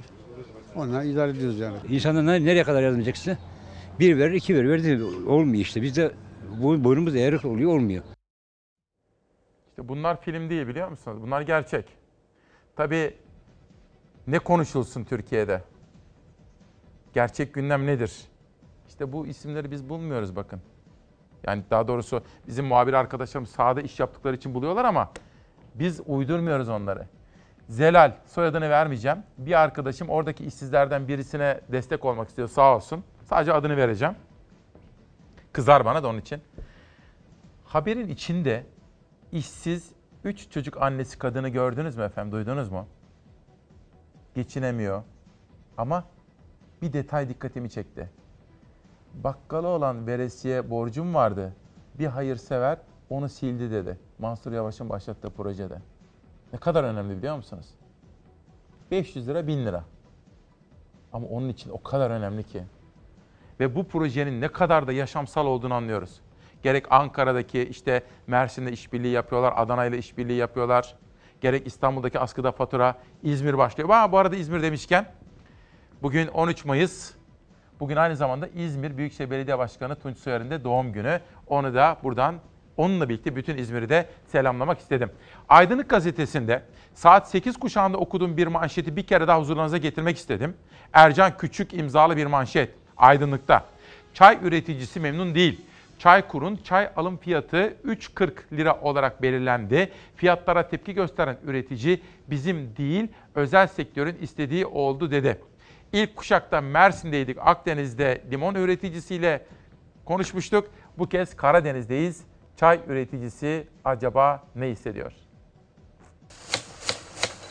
2020 yılı için yaş çay alım fiyatı 3 lira 27 kuruş olarak belirlenmiştir. Çay fiyatı açıklandı. Çaylık sahiplerinin şehirler arası ulaşım kısıtlamasından muaf tutulmalarına karar verildi. Alınan kararlar Rize'nin cadde ve sokaklarında geniş yankı buldu. Bugünkü duruma göre bana göre normal. Fena değil yani iyi. Ben beğenmedim. Bu pahalılığa göre o para değil ki. Ya sarımsak kilosu 100 lira, çayal da 3,5 lira, 3 600, 3 200 öyle sayfa fiyatı mı olur? Düştü kardeşim 30 liraya düştü. Dün aldın ya şuradan. Ee, Yok, kaç paradan aldın? Cumhurbaşkanı Erdoğan yaş çayın birim fiyatını desteklemeyle birlikte 3 lira 40 kuruş olarak açıkladı. Fiyatı normal bulan da vardı, beğenmeyen de. Enflasyona bak- göre bakarsan normal. Ama taban fiyatımız düşük gidiyor şöyle bir iki senedir. Yani bir 3-700 beklentimiz vardı burada. Bir ton çay veriyorum. Bir şey daha olsaydı iyiydi. Uç 50 etsene daha iyiydi de. Kimisinin beklentisi 3,5 liraydı, kimisinin 3 lira 70 kuruş. Çaylık sahiplerinin başka şehirlerden Rize'ye gelecek olması ise endişe uyandırdı. Gelmelerini isteriz. Ama bir yandan da istemiyoruz çünkü gelip de Rize'nin düzenini bozarlar. O yandan istemiyoruz. Ama ne yapasın bil- mecbur gelmeleri lazım. Çay üreticisi mecburen gidecek Doğu Karadeniz'e. 19 Mayıs Salı gecesi yasak bittikten sonra E-Devlet üzerinden aldıkları özel izinle çay toplamak için yola çıkabilecekler. Ne var ki çaylık sahiplerinin çoğu büyük şehirlerde yaşıyor. Yani virüs salgınının daha kritik seviyede olduğu yerlerde. Kesinlikle mesafeyi koruyalım. Gelenler de 15 gün karantinada kalması lazım. Öyle hemen gel in çarşıya ver hastalığı adama öyle olmaz. Biraz evvel siz de benim gibi düşündünüz mü acaba? Pek çoktanız düşündü eminim. Bir kuyruk vardı. AVM kuyruğu ilk kuşakta hatırlıyor musunuz? Size RSFM'den Atilla Günler'in haberini sunmuştum. Söyleyin bana kaç kişiydi AVM'ye giden? 1 milyon 260 bin kişi bir günde. Kuyruklar vardı hatırlıyor musunuz? Heh. Peki bu bir kuyruk. Bir de iş kurun önündeki kuyruk. Bu bize ne anlatıyor efendim? Bana söyler misiniz? Hani ben sizin düşünmenizi, sorgulamanızı istiyorum. Çalıştırmak istiyorum beraber sizinle. Hem bu bana da iyi geliyor, sohbet ediyoruz. Ama bu bizi aynı zamanda demokrasiye çok sesliliğe götürecek. Bir taraftan da Alzheimer olmaktan koruyacak. Çünkü angajmanımız olacak. Hep düşüneceğiz, soracağız, sorgulayacağız. Zihin çalışacak. Tekrar ediyorum. Bir tarafta AVM önündeki kuyruk, bir günde AVM'lere giden 1.2 milyon insan, bir tarafta İşkur önünde 1 lira için, 3 lira için, 5 lira için bakın o sesler. Ülkem, ülkemin manzarası bunlar. Düşünmenizi isterim bunları. Çünkü bu ülke hepimizin ülkesi. Bugün kontrollü olmakta yarar var diyorum. Bir de işsizlik ödeneği konusunda bir haber. 532 bin başvuru. İşkur verilerine göre 17 Nisan itibarıyla işten çıkarma yasaklanıp işverene ücretsiz izin olanağı sağlanmasına ve kısa çalışma ödeneği şartları kolaylaştırılmasına rağmen Mart ve Nisan'da toplam 532 bin kayıtlı işçi işsizlik ödeneğine başvurdu. Şöyle düşünün, çok kıymetli Çalar Saat ailesi, şöyle düşünün. Hani ben ifade ediyorum ya 532 bin. Şöyle düşünün. Bir aile, iki aile, üç aile, dört, on, yüz bin, on bin, elli bin, yüz bin, üç yüz bin, beş yüz bin, beş yüz otuz bin. 532 bin kişi başvurmuş. 19 Mart'tan beri maaş almıyoruz. Ücretsiz izin ayline başvurduk. 1100 lira alacağım. Bunun yarısının yatacağı söylenildi. 545 lira. 15 Mart'tan itibaren işten çıkartmalar yasaklanacak ve ücretsiz izin aile vereceğiz denildi ama yasa 17 Nisan'da resmi gazetede yayınlandı ve yürürlüğe girdi. Alanlar da hayal kırıklığı yaşıyorlar. Koronavirüs döneminde işçi çıkarmak yasak. İşveren ücretsiz izne gönderiyor çalışanını. Ücretsiz izin aylığı da 1177 lira olarak açıklandı ama çalışanlara yalnızca 545 lira yattı. Çünkü aylığa ilişkin düzenlemenin resmi gazetede yayınlanması baz alındı. 50 gündür maaş alamayan çalışanlara 15 günlük ücretsiz izin parası yattı. Neden 15 günlük? Yani biz bu süreci 2 aydır yaşıyoruz. Sadece ben değil, yani bütün Türkiye benimle aynı durumda zaten. Kimse kirasını ödeyemiyor, faturalarını ödeyemiyor. Caddelerde, sokaklarda manzara aynı. Dükkanların çoğu kapalı. Bu kapalı dükkanların en büyük mağdurları ise çalışanları. O çalışanlar 1177 lira ücretsiz izin aylığı alacaklarını ve bu parayla nasıl geçineceklerini düşünüyorlardı ama o parayı da alamadılar. Hesaplarına o miktarın ancak yarısı yattı. 12 gün Mart ayından, 30 gün Nisan ayından, 42 gün e, bir de parasını 5 ya da 8'inde aldığını varsayalım. 50 gündür hiçbir geliri olmayan kişiler en az 1177 olarak duyurulmuştu. Hesaplarında sadece 545 lirayı gördüler. Restoranda çalışan Esra Gültekin de 19 Mart'tan beri yani yaklaşık 2 aydır bekliyor ücretsiz izin aylığını. Zaten 1177 lira da yetmeyecekti borçlarına, kirasına, faturalarına ama yatan 545 lira hesaplarını alt üst etti. Hiçbir şeye yetmeyecek. Getirmeye de çalışamayacağız.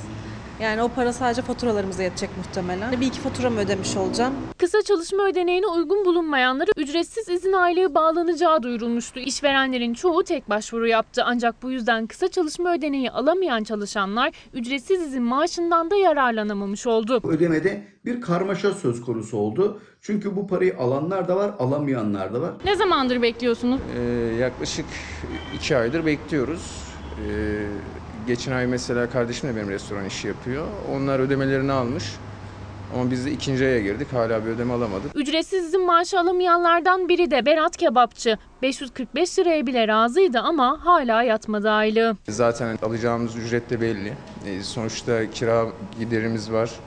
Ee, günlük tüketimlerimiz var. Faturalarımız gelecek. Ee, biniyor üst üste. O yüzden e, alacağımız rakam zaten bizi çok çok rahatlatmamakla birlikte üzerine bir de geç aldığımız takdirde daha da eksiye gidiyoruz açıkçası yani. Onlar da artık ilerleyen süre içerisinde alacaklar. Haziran ayının 8'inde bu parasını alabilecekler. Kenarda biriktirdiklerimizden artık e, harcayabildiğimiz zaten harcadık. Artık son e, raddedeyiz. Türkiye'nin manzarasını iyisiyle kötüsüyle sizlere sunmaya gayret ediyoruz. Bir de tabii yeni çıkan kitapları tanıtmak İsmail Küçükkale Demokrasi Meydanı'nda önemlidir. Çağlar Çetok yeni çıkan bir kitap Kara Ova. Bu kitaplar benim okuduğum kitaplar değil efendim. Bunlar bana Çalarsat ailesinden, sizlerden gelen kitaplar. Geliyor sabahlar şöyle bir bakıyorum sizlere gösteriyorum. Bir de benim okuduklarım var. Onlardan da özetler yapıyorum sizlere. Bakın mesela bunlar imzalı. Muğla Milas'tan. 18 Mart'ta yollanmış, yeni gelmiş elime. Ve Zemheri Vurgun'u Cengiz Han Mutlu. Bu da bakın bu da 12 Mayıs'ta yollanmış Zeytinburnu'ndan. Biraz sonra 3 kitap tanıtımı daha yapacağım. Avrupa koronavirüsle mücadelede 11, 12 ve bugün 13 Mayıs'a girerken neler yapıyor? İngiltere'de evden çalışamayanlar işe gitmeye başladı. İşe gidemeyenlere Ekim ayına kadar 2500 sterlin ödenecek. Tedbirleri gevşeten Almanya'da virüsün yayılma hızı tekrar arttı. Dünya Sağlık Örgütü koronavirüs aşısını bulmak kolay olmayacak dedi. İngiltere Başbakanı Boris Johnson yol haritasını açıkladı. Evden çalışması mümkün olmayan insanların işe gitmesinin önü açıldı. Bu süreçte işsiz kalan veya işe gidemeyenlere 2500 sterline kadar yapılan yardımın Ekim ayına uzatılmasına karar verildi. İnsanlara mecbur olmadıkça dışarı çıkmayın, evde kalın çağrısı yapıldı. İngiltere'de tatil hayali suya düştü. Sağlık Bakanı Matt Hancock verdi kötü haberi. İngiliz vatandaşlarının bu sene tatil yapması pek mümkün görünmüyor dedi. Geçen sene Türkiye'yi 3 milyon İngiliz ziyaret etmişti. Almanya'da kademeli açılan yerlere müzeler de eklendi. Uçuşların Haziran'da normale dönmesi öngörülürken Frankfurt Havalimanı önlemlerini hazırladı. Yeşil alanlar belirlendi. Gişede çalışanlarla yolcular arasında plastik camlar yerleştirildi. Spor salonlarının da açıldığı Almanya'da vaka sayıları artışa geçti. Yeni kısıtlamaların gelip gelmeyeceği ise merak konusu. Dünya Sağlık Örgütü'nden gelen son açıklamalar endişeleri artırdı. Koronavirüsün karmaşık yapısı nedeniyle aldatıcı olduğu belirtildi. Covid-19'a karşı aşı üretmek kolay olmayacak denildi. Dünya Sağlık Örgütü kısıtlamaları gevşeten ülkelere tetikte olun uyarısı yapmaya devam ediyor. Virüsün ilk görüldüğü Çin'in Wuhan şehri aynı zamanda virüsün ilk terk ettiği şehir. Tedbirlerin gevşetildiği bölgede hayat normal akışına dönmüştü ki 3 Nisan'da yeni vakalar tespit edildi. Şimdilik bir yayılma söz konusu olmasa da Wuhan'da yaşayan 11 milyon nüfusa test yapılmasına karar verildi.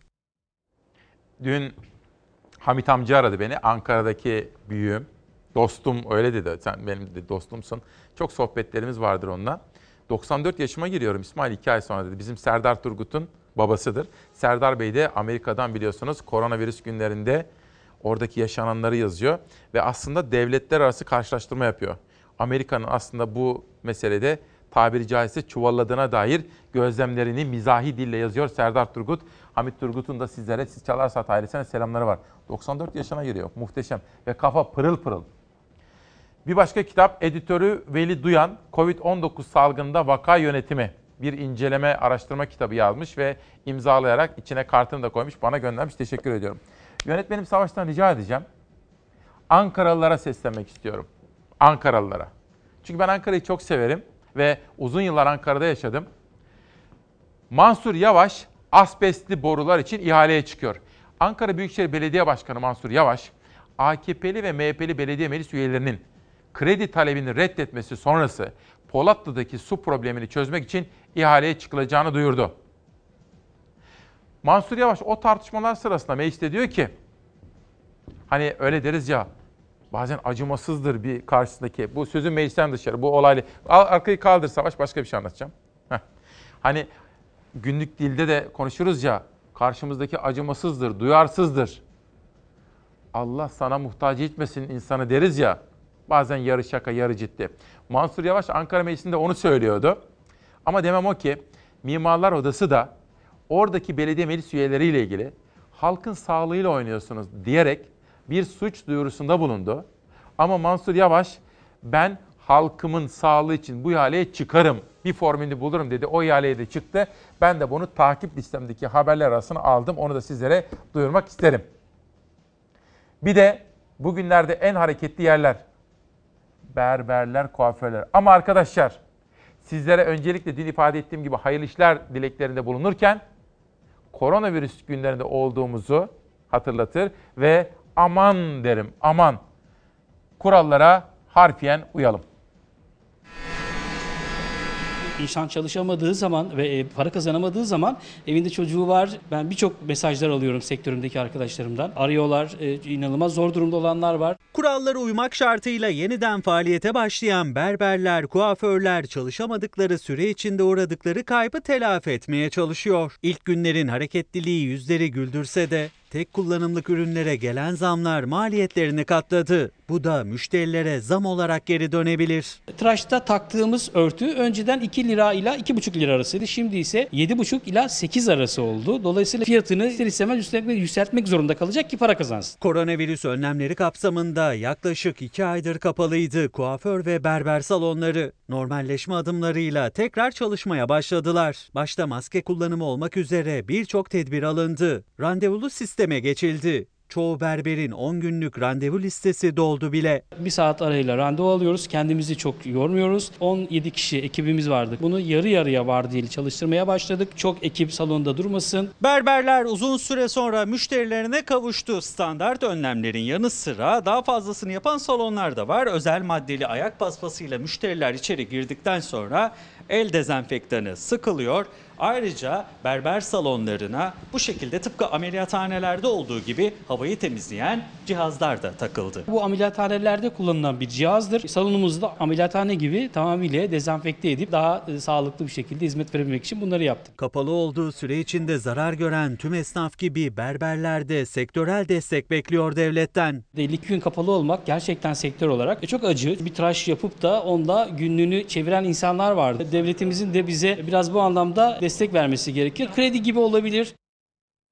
Bir de böyle şimdi içinizi açmak istiyorum. Bu koronavirüs başladığı günden itibaren İstanbul tabii havası havası gerçekten tertemiz oldu. Bir de deniz de temiz. Ha bu arada deniz temizle ilgili mesajı verdim değil mi ben size? Evet bu konuda özel çalışmalar hazırlıyoruz arkadaşlar. 25. yılında. Yunus. Ben Yunus'u çok severim. Eminim sizler de çok seversiniz. İstanbul'da kıyıya kadar geldi her yerde. Hatta İzmit'te de vardı geçtiğimiz günlerde. Ben de arkadaşlarımdan rica ettim. O güzel görüntüleri sizlerin içi açılsın diye hazırladık, aktaracağım. Ama şu iki kitabı da bir tanıtalım. Gözyaşlarına gömüldüm diyor Zafer Mert Çalışır. Gözyaşlarına gömüldüm diyor. Nihat Şen Dönüşümün kitabını yazmış. Bu arada sözüne kıymet verdiğim bir büyüğüm, hayatının en güzel bağrında olan bir büyüğüm dedi ki, İsmail Bey dedi belli bölgelerde kentsel dönüşümde arsa sahiplerinden alıyorlar. Onlara birer daire veriyorlar tamam ama ya da ikişer. Fakat diktikleri binalar kar elde edebilmek için tamamen dedi küçücük binalar haline geliyor ve dışarıda balkon yok dedi. Bu konuyu gündeme getirirseniz çok memnun olurum dedi. Ben de bunu inceleme kapsamına aldım. Onu da söylemiş olayım. Bir başka haber dikkatimi çekti. Bir gün gazetesinde bugün 13. sayfada ABD Kürtleri neden birleştiriyor?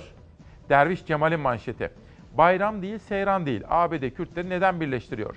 ABD ve Fransa Suriye Kürtlerini birleştirmek için yoğun mesai içinde. Bu girişim sonrasında Kürt partileri yakında kongreye gidecek. AKP, ABD ile temas halinde MHP'den ansızın gelen 3 hilal iktidarı çıkışı bu temasa bir uyarı niteliğinde diyor. Böyle bir haber analizin içerisinde. Yunusları hepiniz gibi ben de çok seviyorum.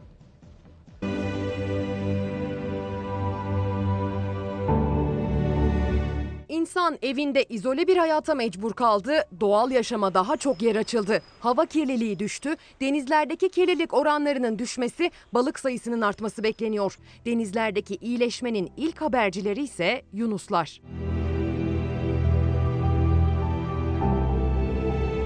Salgın süreciyle kısıtlamaların ilk başladığı dönemden itibaren Yunus balıklarının kıyılara sokulduğu görüntüler kameralara yansıdı. Artık insanlara daha çok yaklaşıyorlar, sanki insanlarla iletişime geçiyorlar. Harikasınız.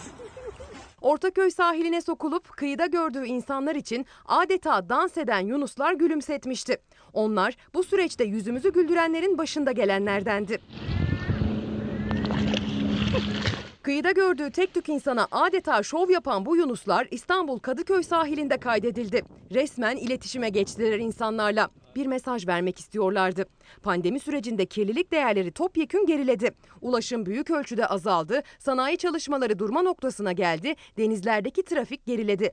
Yollara çıkan araç sayısı azaldı. Çevreye salınan azot dioksit ve kükürt dioksit gibi zehirli gazların yoğunlukları da düşünce hava kirliliği gerilemeye başladı.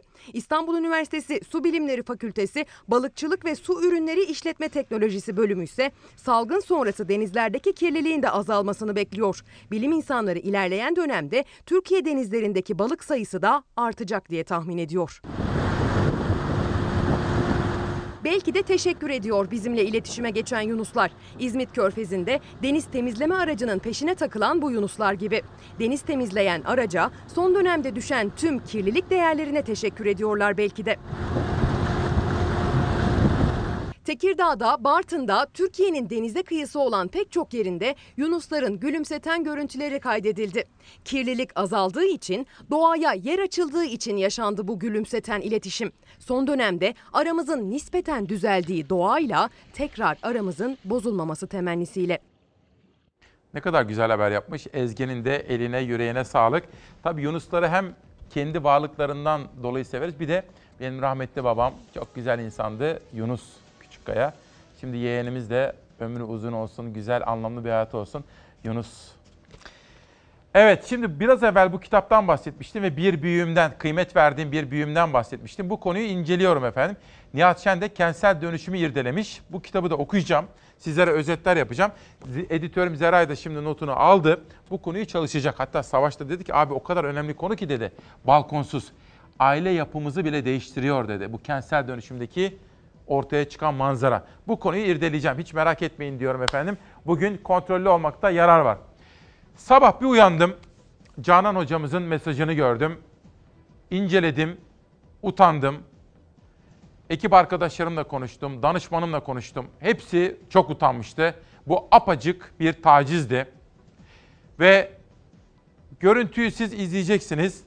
Adım kadar eminim bakın. Hani Biraz temkinli konuşmakta fayda var ama bu görüntü Cumhurbaşkanımızı da rahatsız edecek. İktidarı, YÖK'ü, Milli Eğitimi, Gazi Üniversitesi'ni, dekanın ailesini, herkesi rahatsız edecek. Ve öyle zannediyorum ki istifa etmek durumunda kalacak. Çünkü bu bu bir taciz. Bu ne biçim iş ya? Ne? Şu an Kübra kızların resimlerini de görüyoruz böylece ha çaktırmadan. Al, yok abi. Orada ekranda bak ortadasın. Bak ses takip ediyor olmasın? Ha?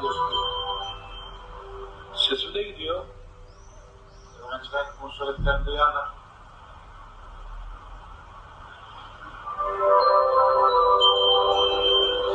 Yorulduk ha.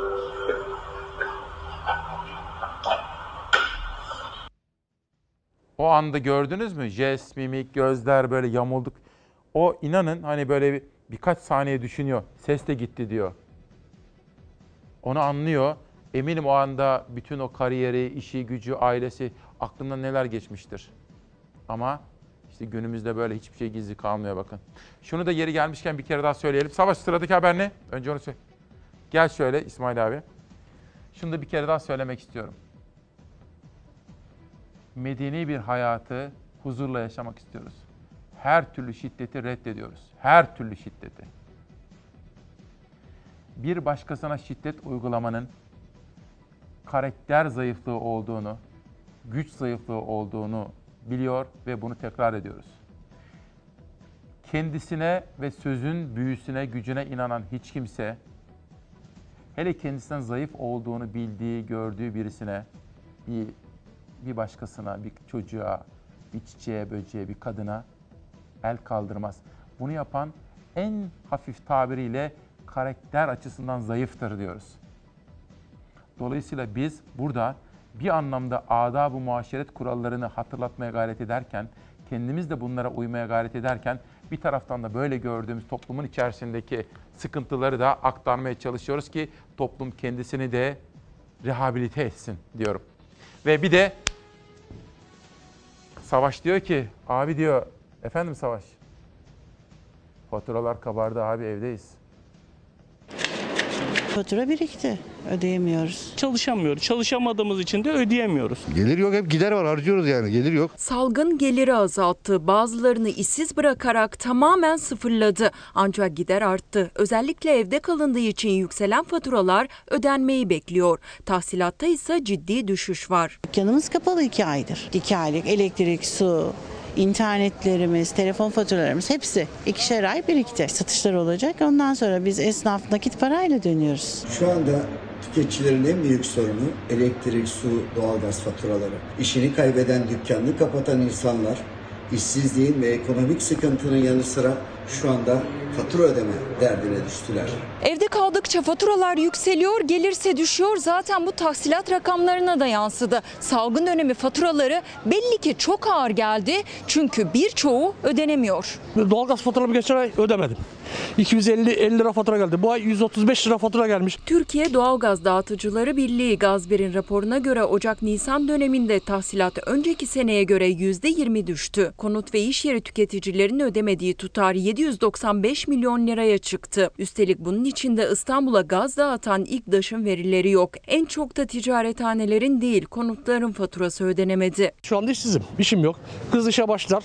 O zaman maddi durum biraz düzelirse o zaman ödemeye başlarım yavaş yavaş taksit taksit. İstanbul'a ilişkin veri ise İSKİ'den geldi. Yani su faturası cephesinden. Onda da tahsilat Nisan ayı sonunda yarıya indi. Haftalık su geliri 90 milyonlardan 45 milyonlara kadar gerilemiş bir İSKİ ile karşı karşıyayız.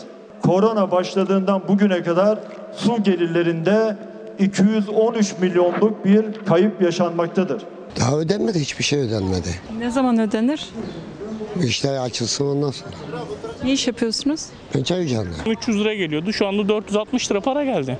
Elektrik Valla 80 lira geliyordu. Şu anda 165 lira para geldi. Kullanım arttı, faturalar yüksek, indirimse yok. Petroldeki düşüş bile elektrik ve doğalgaza yansımadı. Tüketici Başvuru Merkezi Onursal Başkanı Aydın Ağoğlu ise indirim talebini yeniledi. Yapılması gereken salgınla mücadele ederken evlerde kullanılan elektrik, su, doğalgaz gibi temel hizmetlerde indirim uygulanmasıdır. Yine de faturasını geciktirmemek isteyenlerse kredi kartına başvuruyor. Elektrikle doğalgaz anormal yani. Ödeyebiliyor musunuz?